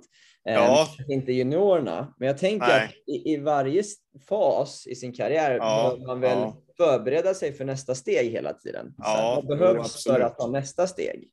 Mm, eh, och då bör man ändå skapa de färdigheterna absolut. Innan, innan man är där så att säga. Eller, ja, du? innan du går in i puberteten måste du kunna alla slag. Det är min bestämda uppfattning. Du mm. måste ha grunderna i alla slag. Mm. Eh, och sen när du börjar komma in i puberteten, då behöver du ju lära dig att kunna använda alla slag i kombinationer. Mm. Eh, så att progressionen blir ju liksom att när du, när du innan pubertet kanske 10, 11 och sen beror på, såklart är du en ny Nadal så kanske du redan är i den här fasen när du är 11 liksom. Men, men, eh, men eller 10, att du liksom börjar använda alla slag mm. jättetidigt. Men, men men progressionen bör ju vara så att man, man måste lära sig grunderna, grundtekniken i de olika slagen. Mm. Eh, och eh, kunna liksom... Och sen nästa steg blir att kunna använda de olika slagen i olika kombinationer. Det. Och det ska man ju börja med även lite, tänka innan pubertet, men då kanske i enklare former. Då kanske man behöver använda bollkorgen eh, till viss del för att skapa det. Just det. Eh, men jag tror att slagträningen är otroligt viktig. 13, 12, 13, 14 där, 15, det är vad jag tror. Där, där, där är ändå slagträningen att få mycket, många repetitioner, för det är så också du, ut och utvecklar ju liksom consistency, alltså i, ja. i grundspel. Så, så det finns ju en risk med att man tänker, ja men nu så här 50 procent av duellerna på är slut på tre slag, men då måste vi träna fem, då är det 50 procent av träningen ska läggas på det och sen eh, övriga då det blir 50 och så lägger man väldigt mycket och så glömmer man bort slagträning. Ja, jag förstår. Eh, för, för då spelar det ingen, då, alltså då spelar det ingen roll. Det, det, ja, det, det är komplext och, och jag skulle säga om man tittar från, från så, så lite mer slagträning tidigt liksom. Mm. Eh, och sen kanske Sen kanske när man är eh, senior så, så har man, man ökar ju träningsmängden också, men procentuellt sett mm. så är slagträningen lite mindre del när man börjar närma sig 16, 17, 18 än vad den är när man är 9, 10, 11, 12, 13, 14. Alltså det, då är slagträningen lite procentuellt sett kanske lite mer. Sen, jag tänker, det finns tänker jag i varje fall. Men... Ja. Men sen finns det väl också en fysisk aspekt att ta med, för du pratade ja. om fönster där liksom. Eh, I vad, när ja, exakt. Om man ja, pratar ja. Lång, långa intervaller och långa, långa slagintervaller till exempel. Eh, ja. Finns det fysiska fönster där det är mer utvecklande också då, att jobba på det sättet kontra? Ja, det gör ju det. Alltså, eller 12, kanske 13, när man börjar komma in i puberteten, mm. då är man ju mer mottaglig för för aerob träning. Och när man kör slagträning, det som är med slagträning, man kör väldigt länge, kör står 10, 10 minuter, om man tänker sig när man kommer upp lite och börjar tävla och ändå kan hålla bollen i spel. Det Mm. kanske man inte gör när man är 9-10 på det sättet. eh, Står. Då har man inte heller den mentala, liksom det här att kunna koncentrera sig så bra. Så det är både mentala och fysiska och tekniska faktorer som begränsar det när man är innan puberteten. Men när man kommer in i puberteten, då Ja. har man hjärnan liksom det här eh, utvecklats till en viss nivå och eh, man är också fysiskt väldigt mottaglig för att träna upp den aeroba förmågan, det vill säga hjärtats pumpförmåga. Hjärtat är ju en muskel och vi Ja. kommer i puberteten börjar vi få muskler. Mm. Eller hur? Det, Ja. Vi får testosteronpåslag och tjejer, även tjejer får ju det, och- men östrogen också. Då. Mm. Eh, och då, då är det ju bra att träna en muskel och hjärtat är ju en muskel, precis som andra muskler. Mm. Och eh, att köra de här långa slagduellerna då, då tränar vi hjärtat samtidigt. Mm. Alltså pumpförmågan. Så då får vi effekter på det aeroba systemet också. Eh, Men, men när vi kör de här eh, korta kombinationerna, det är ju mer liksom explosivt anaerobt. Ja. Och det är ju, tennisen på elitnivå är ju mer anaerobisk, men jag ska säga att på juniornivå så är den aerob. Ja. Så att säga att tennisen är anaerob idrott, ja, då pratar vi elitspelare och kanske de mest offensiva. Liksom, Jag förstår. Eh, då, och, och även tittar på Nadal, titta på hur han ser ut, vilka muskler. Liksom. Det är ju, Muskler är ju anaerob förmåga. Eh, så att det, tennisen på elitnivå är anaerob, men fem, fjor, 13, 14, 15 ska jag säga att den är mer, nu har jag inte data på det, men jag skulle säga att den är mer aerob i sin karaktär. Ja, intressant. Intressant. Eh, Så att det är det som är risken när man börjar prata här, men vi hade var en debatt i svensk tennis, är tennis en anaerob eller aerob idrott? Ja, det är en anaerob, på elitnivå en anaerob idrott med aerob återhämtningsfas. När vi, när vi mellan poängen, då, då pumpar hjärtat för att liksom återställa balansen i kroppen och så vidare. Men oavsett Ehm. vad det är i junioråldern så, här, så är ju frågan vad det är man ska träna i och med att slut, om målet är att du ska bli en så bra Ja. tennisspelare som möjligt, Ja. så, så måste man väl kolla på hur profilen ser ut på den nivån också, eller? Absolut, man, man- man, man måste ju tänka att, att eh, man ska ju bygga slagkombinationer eh, också 13, 14, 15. Eh, Självklart med, med liksom mycket serv och returträning också. Men procentuellt sett ska jag säga att det är lite mer slagträning eh, Ja. då. Eh, Men du behöver ju en ga- ganska stor mängd då, för att, för att Ja. liksom, om du tränar så här, tränar fem timmar i veckan eh, när du är i den åldern. Det, det kanske inte, det räcker ju liksom inte om, om vi Nej. tänker att vi ska bli en, du måste ju träna, men, men om du ska träna låt säga 15-20 timmar i veckan, eh, 13, 14, 15, som Mm. man kanske bör upp i. Mm. Eh, då, då är det ju dumt att bara köra slagträning, för då blir det himla tråkigt. Så då, då Ja. behöver vi, men såklart slagträning, om vi säger att det tränas 20 timmar i veckan, 13, 14, 15, Ja. då kanske slagträningen är hälften och kombination och så vidare är hälften någonting Ja. av tennisträningen. Medan när du blir lite senior, då kanske det är lite överväg, överväger lite mer mot kombination och serv och så vidare. Och lite, men, men då har du kanske ökat till 25 timmar, så att du fortfarande 10 Ja. timmars slagträning. Ja, man, man, man ska ju inte träna juniorer som man tränar proffs såklart. Att, Nej, nej, det är väl lite. Och sen, ja, Var sak har sin tid. Ja, och sen jag har inte, jag har liksom inte exakt, jag kan inte säga att jag är den som är bäst att svara på exakt hur många timmar av vad, men jag försöker, jag försöker liksom skapa någon form av, jag utgår från min tankekarta, Ja. säga. Mitt, mitt, mitt mindset, att, att, att eh, vad är det man utifrån fysiologiska, psykologiska mm, teorier, principer, forskning och så vidare, liksom, Ja. och e- praktisk erfarenhet, eh, att, att eh, Ja. ehm, Ja, men det är bra. Mm. Vi ska gå in på lite frågor som jag ställer till de flesta gästerna här, Frej. Mm. Hur Mm. har du förändrat ditt ledarskap de senaste åren? Ja, det är en bra fråga. Mm. Eh, Jag, jag tror att jag har blivit... När jag började... Ja, Om du har förändrat det någonting? ja, jag tror själva... Alltså, den röda tråden vet jag inte riktigt om jag har förändrat så himla mycket. Jag kanske var lite mera... man pratar demokratiskt eller auktoritärt, eh, om man ska jämföra de två då, så att säga. Mm. Eh, demokratiskt kontra auktoritärt ledarskap där jag liksom pekar med hela handen och demokratiskt jag låter de som jag tränar vara mera involverade i beslut och så vidare. Eh, så har jag nog fått, jag måste säga, jag har fått en större förståelse för när jag ska vara det ena eller andra. Ja, okej. Okay. Mm. Jag, jag, kan inte säga att jag har blivit... Och, och, jag är nog en, en, en situationsanpassad ledare. Och det har jag nog varit i grunden ända sedan jag faktiskt var runt 20 och började, tror jag, på något sätt. Men jag kanske ibland då var auktoritär i situationen jag inte skulle vara och var demokratisk i situationen jag inte skulle vara. Medan idag så i högre grad så, så anpassar jag mitt ledarskap utifrån målgruppen, för jag tror att det är det det handlar om. Just det. Att man behöver göra det. Ja, det det ena är inte bättre än det andra. Ja, exakt. Och, och, idag så ska jag säga att när man är på högskolan så är det ju väldigt mycket åt det demokratiska. Liksom. För där, man kan inte säga så här, men du kom inte i tid idag. Jag kan inte, jag, de är vuxna människor, så jag kan, inte, jag kan liksom inte skälla på dem. Det är fri närvaro. Okej, okay, och kommer du inte på examinationen, ja då får du stå ditt kast och då får du göra om examinationen istället.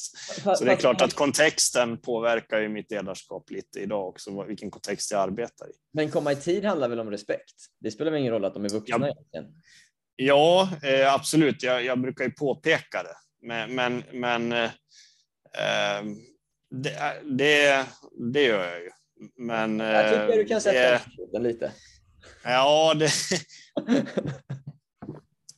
det, är, det är problematiskt också, för du har ju den här kulturen i akademin, akademiska kvarten som man pratar om. Liksom, att det är okej okay att komma en kvart ja, okay. Men den kanske man behöver bryta då till viss del. Men, men jag, brukar, jag brukar säga ifrån, men jag har ju ingen liksom jag kan, jag kan inte, som jag var lärare på grundskolan, då kan jag säga att ja, men du, får, du får liksom komma hit och räkna matte efter, du får sitta kvar efter lektionen. Så här. Sådana grejer kan jag inte.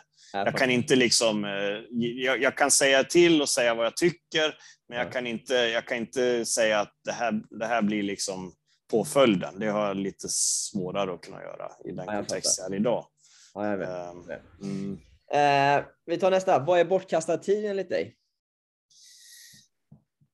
Eh,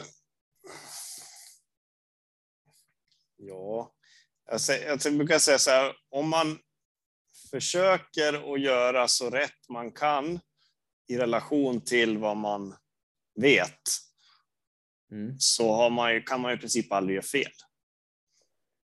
Alltså om man, om man försöker göra sitt bästa i alla situationer, då går det inte att göra fel. Nej.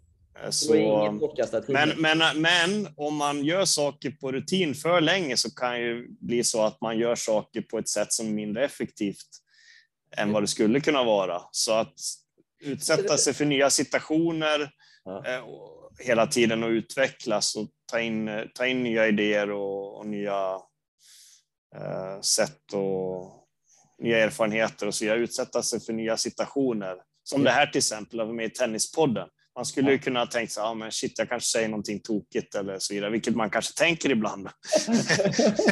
men samtidigt hade jag inte utsatt mig för den här situationen, då har jag inte fått den erfarenheten. Eh, så, så, att göra saker på ren rutin för länge ska jag säga blir bortkastad tid. Det är mitt svar. Men, men eh, om jag då säger så här, att tillåta ja. att dina elever kommer upp till en kvart sent bara för att kulturen säger det, inte det bortkastad tid då? Istället för att försöka förändra den biten. Ja, det skulle man kunna säga. Ja, ett exempel. Nu, nu, nu kanske du får en bild av att, att folk kommer sent på högskolan. Så är det faktiskt inte. Jag tycker att de flesta kommer i tid. Men om det händer så... Eh, så med, och, ja, det var, jag, jag kollade bort mig själv där. Ta med dig det. Ja. Eh, men absolut, det är och det kanske man, det, det, kan jag hålla med om, absolut. Att, att försöka förändra. Eh, och det, det ska jag säga att det gör jag nog i ganska hög grad mm. i min roll här. Jag, jag försöker ju, till exempel när, vi började, när jag började här, då var det liksom det här föreläsningsseminarium eller, eller praktisk föreläsning. Det är någonting som jag börjar köra mycket med, att jag föreläser på banan. Alltså på, eller i, i istället för att ha som i klassiska akademin, man har föreläsning, man har seminarium Ja, eh, och sen har man tenta. Liksom. Och så. Eh, Och så delar man in det. Föreläsare, då bara pladdrar jag på och seminarium, då diskuterar vi och sen så har vi en skriftlig tentamen. Ja. Så jag börjar liksom tänka så här, praktiskt seminarium, praktisk föreläsning, Ja, vad kul. för, alltså föreläsningsseminarium och så vidare. Eh, där man, och, så att eh, det är väl ett sätt att inte göra saker på rutin, tänker jag. Så, Ja, verkligen. Är det där med den där kvarten jag får jobba på?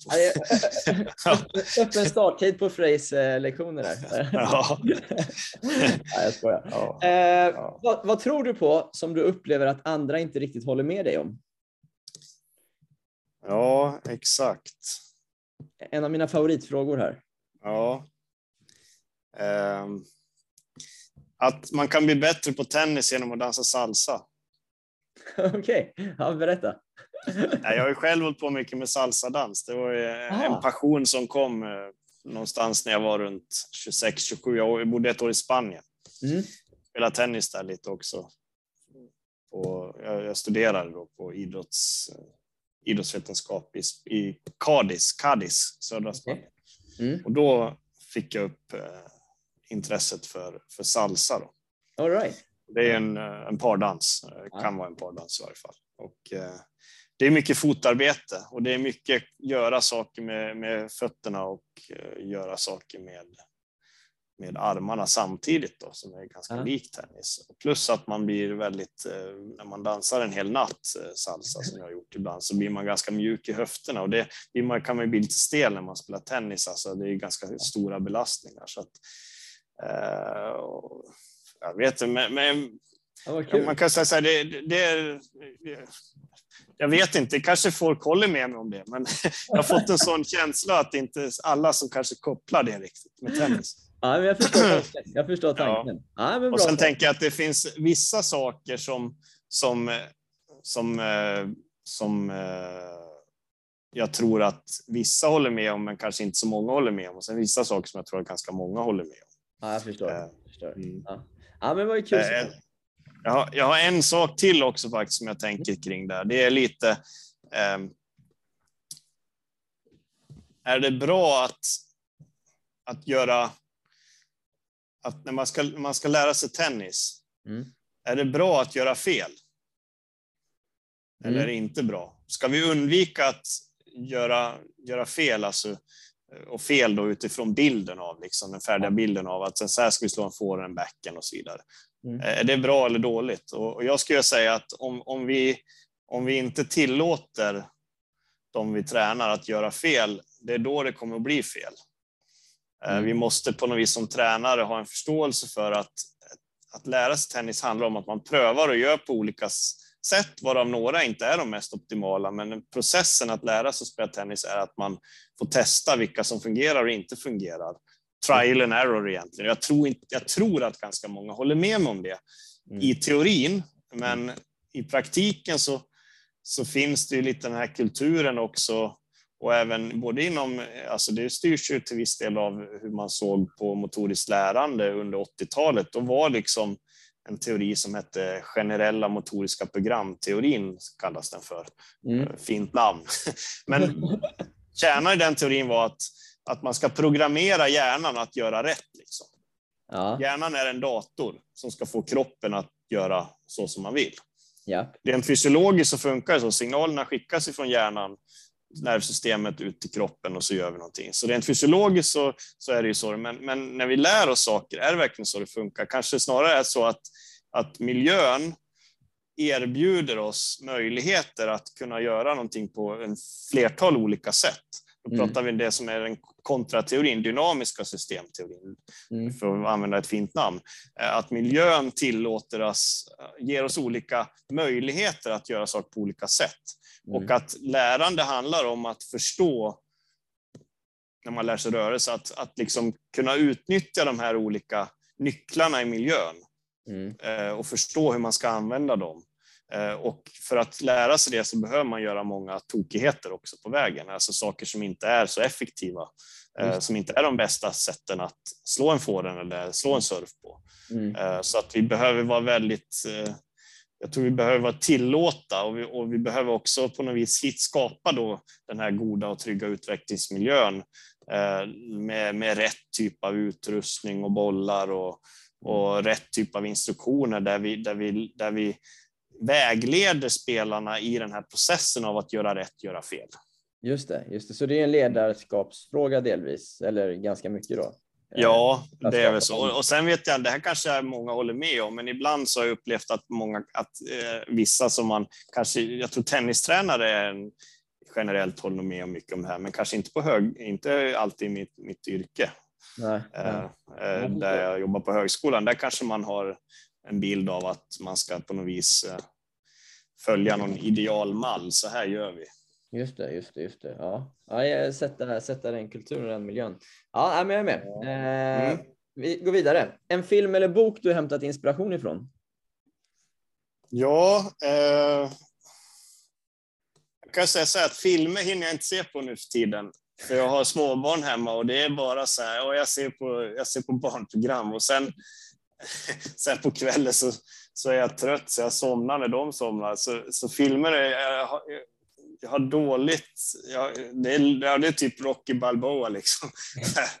Eller Karate Kid som är sån här film som inspirerar mig när jag var grabb. Liksom, som ja, jag kommer på det som pluppar upp i hjärnan nu. För jag, jag, har ju sett filmer efter det också, men det är som att när man får familj och så vidare så, så hinner man inte reflektera lika mycket, vilket faktiskt är en, en säga, någon nackdel med familj så är det att man, man man hinner inte de här, när man kommer hem, man hinner inte reflektera och fundera så mycket på livet, utan det är fram med maten och, och så vidare och lägga och just det, just det. Men en bok som jag har läst är en bok som heter Färdighetsinlärning med icke-linjär pedagogik. Och det knyter faktiskt in knyter faktiskt ganska bra in på det som vi pratade om alldeles nyss. Det handlar just om det här att variation i hur man utför en rörelse, att det faktiskt nu finns också framförallt på tennis forskning som visar på att rörelsevariation, mm. när man har jämfört olika grupper liksom och hur man har tränat dem, där man har tillåtit den här gruppen att genomföra rörelserna på olika sätt, varav några är fel, och en grupp där man har utgått från, från instruktionsboken, så här ska vi göra, och mm. ser att de som gör mer som tillåts mer rörelsevariation också lär sig få bättre resultat. Det finns forskning på det kopplat till, till tennis som en open skill idrott, alltså en öppen miljö. Att mm. i öppna miljö, idrotter som spelas i öppna miljöer där situationerna förändras mm. kontinuerligt så, så, finns det forskning som också bekräftar det som man kan mäta så att säga. Okay. okay. Och det tyckte jag var himla intressant att se, för jag har ju alltid trott att det är så. Men, eh, och, eh, men eh, i den här boken då så har de sammanställt forskning och då var många studier som refererade just till tennis. Okej, okay, okej, okay. Vad, det var intressant. Vad tror du att flest av oss tränare använder oss av idag när det gäller det? Jag tror att det håller på att ske ett litet paradigmskifte ändå. Eh, för att, att eh, fler och fler börjar förstå det här liksom med spelbaserat lärande, att vi ska utgå från spelet. Samtidigt när vi, när vi säger att vi ska utgå från spel så handlar inte det bara om att vi ska spela spelet. Vi ska ju också lära dem färdigheter. Men, mm. men alltså alla färdigheter vi lär våra aktiva, typ kasta en boll, ta emot en boll och så vidare. Det ska ju vara färdigheter som, som hjälper oss att spela spelet. Det är det mm. som är spelbaserat lärande för mig. Liksom. Mm, mm, uh, och det bygger ju mycket på att man gör, skapar olika miljöer med rätt material och rätt barnstorlek. Uh, rätt typer av instruktioner, att man ger kanske mer instruktioner på vad man ska göra med själva redskapet, racketen, än vad man ska ha armbågen eller handleden och så vidare. Att man, att man instruerar på någonting externt liksom, som inte är kroppen. Utan, ja. uh, så att... Uh, ja, jag är med. Ja. Uh, det, det, tror jag börjar bli mer så, mer inarbetat i svenskt tennistränarkultur, att det är så vi ska jobba faktiskt. Det tror jag. jag upplever också att det pratas mer och mer om det. Eh, mm. Frej, om du var härskare över svensk tennis och bestämde allting, vad skulle vara det första du eh, tog tag i att förändra då? Det var en klurig fråga. Ja. härskare för en dag. Ja, härskare ja. för en dag. Ja, ja, ja exakt. Um, Jag tror faktiskt, en sak som jag funderar länge på, som kanske är lite kontroversiellt. När vi bygger hallar så bygger vi ju, sätter vi ju samma underlag på alla banor. Mm. Och en nackdel vi har i Sverige för att utveckla oss internationellt, är internationellt starka är att vi har kortare utomhussäsong. Just det. Eh, För utomhustennis så lär du dig mycket att anpassa dig till olika väderförhållanden och Ja snedstudsar och så vidare. Ehm, så vad, hur skulle vi kunna liksom på något sätt hitta någonting som ger oss fördel istället? Som eh, till exempel Björn Borg, det var ju tvåhandsbacken, det var ju någonting, han var ju först med det. Liksom. Kan vi hitta någonting som gör att, som ingen annan har gjort? Och då tänker jag så här, bygga tennishallar, det var en bana grus, en bana filt, en bana hardcourt och så kör man tävlingar på det. Kör SM så. Liksom. Okej. Och Eh, man, byter, varje, man vet inte vilket underlag man spelar på i varje match. För Nej. vad lär man sig då? Jo, tennis är en, en open skill-idrott. Du ska lära dig att anpassa dig. ja. Eh, Vi har lång inomhussäsong där vi har för, mer förutsägbar miljö, mindre liksom variation eh, i studs och så vidare och, och, och, och hur man ska taktiskt, tekniskt, hur man kan, man kan man, det är lite, på ett sätt tycker jag lite enklare att spela inomhustennis. Jag vet inte, men Mm. Ja, men det det. Absolut. ja, på ett sätt. Eh, På ett annat sätt inte. Eh, Och då tänker jag med, om vi skulle liksom börja ha tävlingar där man hela tiden måste, och träningar. Ja. För det handlar ju om att liksom på något vis, alltså, till man blir senior så, så, handlar det, så handlar det om motorisk utveckling och tek, te, Ja. teknisk taktisk utveckling. Och det tror jag skulle göra att vi blev mycket mer tekniskt och taktiskt eh, kompletta spelare. Om, om man byggde hallar med, med olika underlag. Och det skulle det är- se ut så. Spännande tanke. Eh, det ju... Må, många, Men det är kontroversiellt. ja, många Jag, skulle jag, läste faktiskt, jag läste faktiskt om Del Potro Ja. i en, en, en bok som var skriven av Internationella Tennisförbundet. De hade tagit Del Potro som är center. Han spelade på grus på förmiddagen, hardcourt på eftermiddagen mycket och sånt där. Bytte liksom. Okej, okej. ja. Eh, jag, jag tycker ibland att många förändringar och beslut tar lite lång tid. Det ska bli spännande att se hur, hur snabbt det här kan, kan komma. Ja, jag väckte det nu i varje fall. Ja, ja, men bra. Det är ett svar som jag aldrig har hört förut. Eh, det, ja, men jag förstår tanken. Jag Det förstår går ju tanken. emot kulturen. Liksom. Det är alltså en tennistävling så spelar tennistävlingen är ju på grus eller hardcourt eller så vidare. Men, men om man tänker rent, min, mitt mindset, Ja, vad, alltså, vad handlar motorisk utveckling om? Vad handlar open skill ja, idrotter om? Anpassningsförmåga just det. till nya förhållanden. Och hur, hur alltså, skapar man förutsättningar för det? Jo, genom att man får anpassa sig mer. Och Mm. då är ju det här faktiskt rätt lösning. Ja. Jag kan inte säga att det skulle vara fel, så jag är helt övertygad om att det skulle göra oss till en bättre tennisnation. Stö, större anläggningar och så eh, utomlands har ju liksom ofta både grus och hardcourt till exempel. Eh, Till och- exempel. och ja. under- Plus att de spelar utomhus. Ja, ja exakt. Eh, två frågor kvar. Vad har du ändrat, eller vad är det senaste du ändrade uppfattning om? Eh, ja.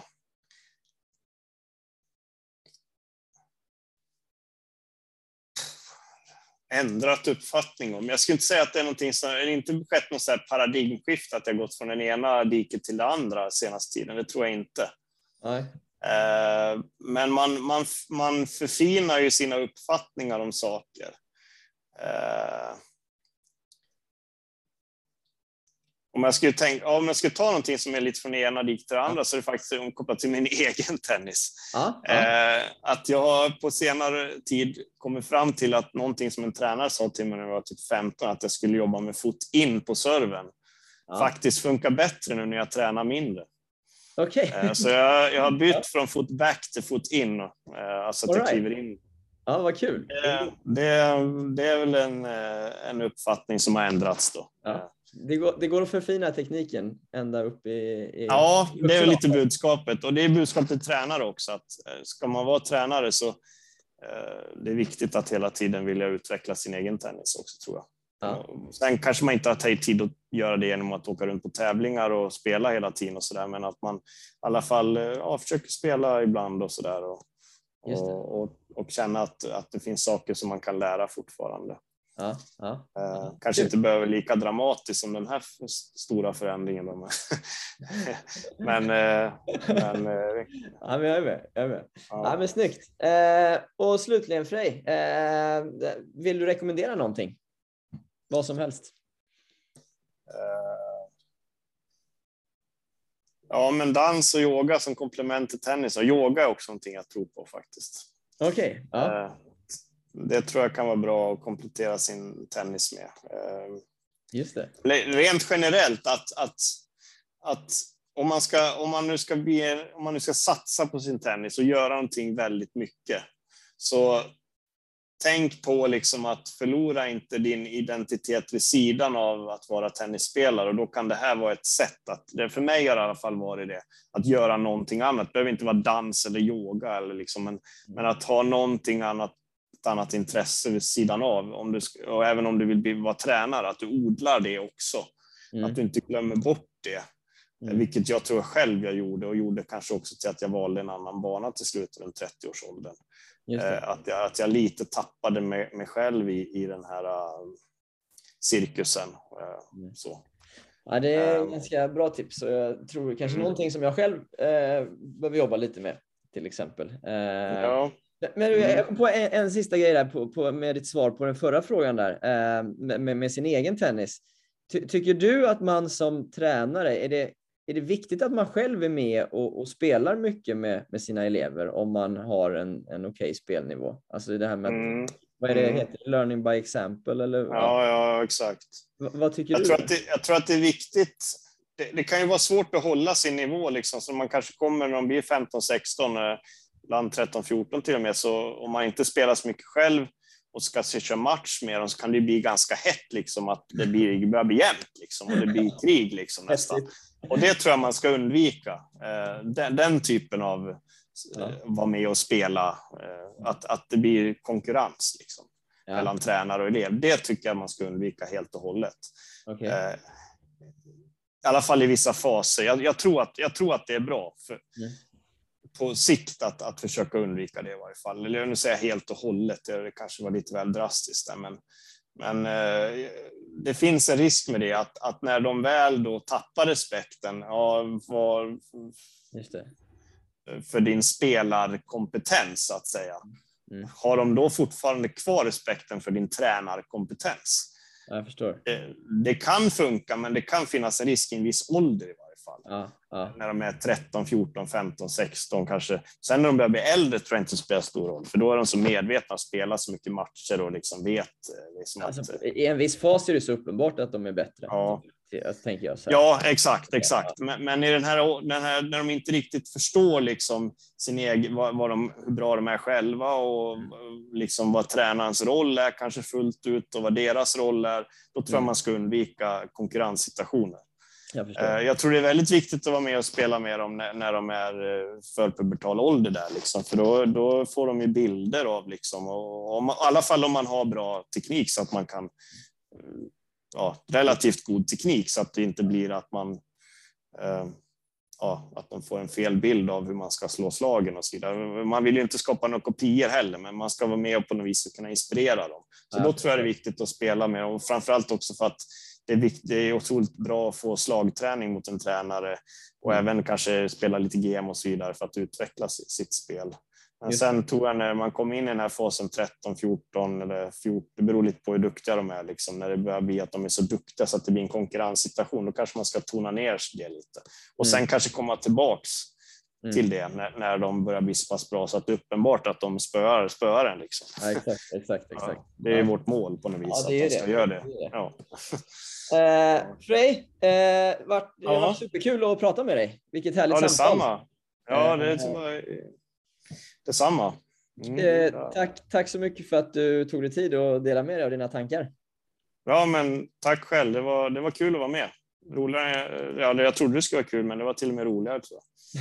Ja.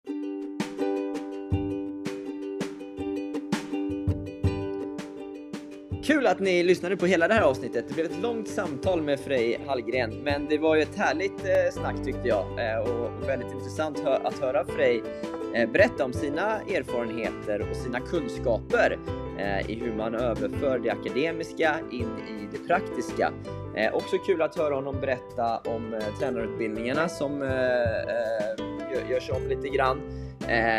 och ja, men just liksom träningen med yngre barn, tränarrollen, ja, men många ämnen här som i alla fall jag ja, men brinner för eller tycker är intressant och som vi har pratat om i, i andra avsnitt också. Men, men, där vi fick en kanske lite annan synvinkel på det i och med att Frej både har varit tränare och uh, kommer ifrån liksom, den akademiska världen dessutom. Så tack för att ni lyssnade på det här avsnittet. Glöm inte att gå in på www.linuspåbaslingen.com där ni kan hitta mycket fler reportage, artiklar eh, och intervjuer eh, som jag är säker på att ni som gillar podden kommer uppskatta också. Och har ni inte varit inne på hemsidan än, då har ni ett riktigt gediget arkiv att bläddra tillbaka i. Eh, så ja, det rekommenderar vi. Tack för idag!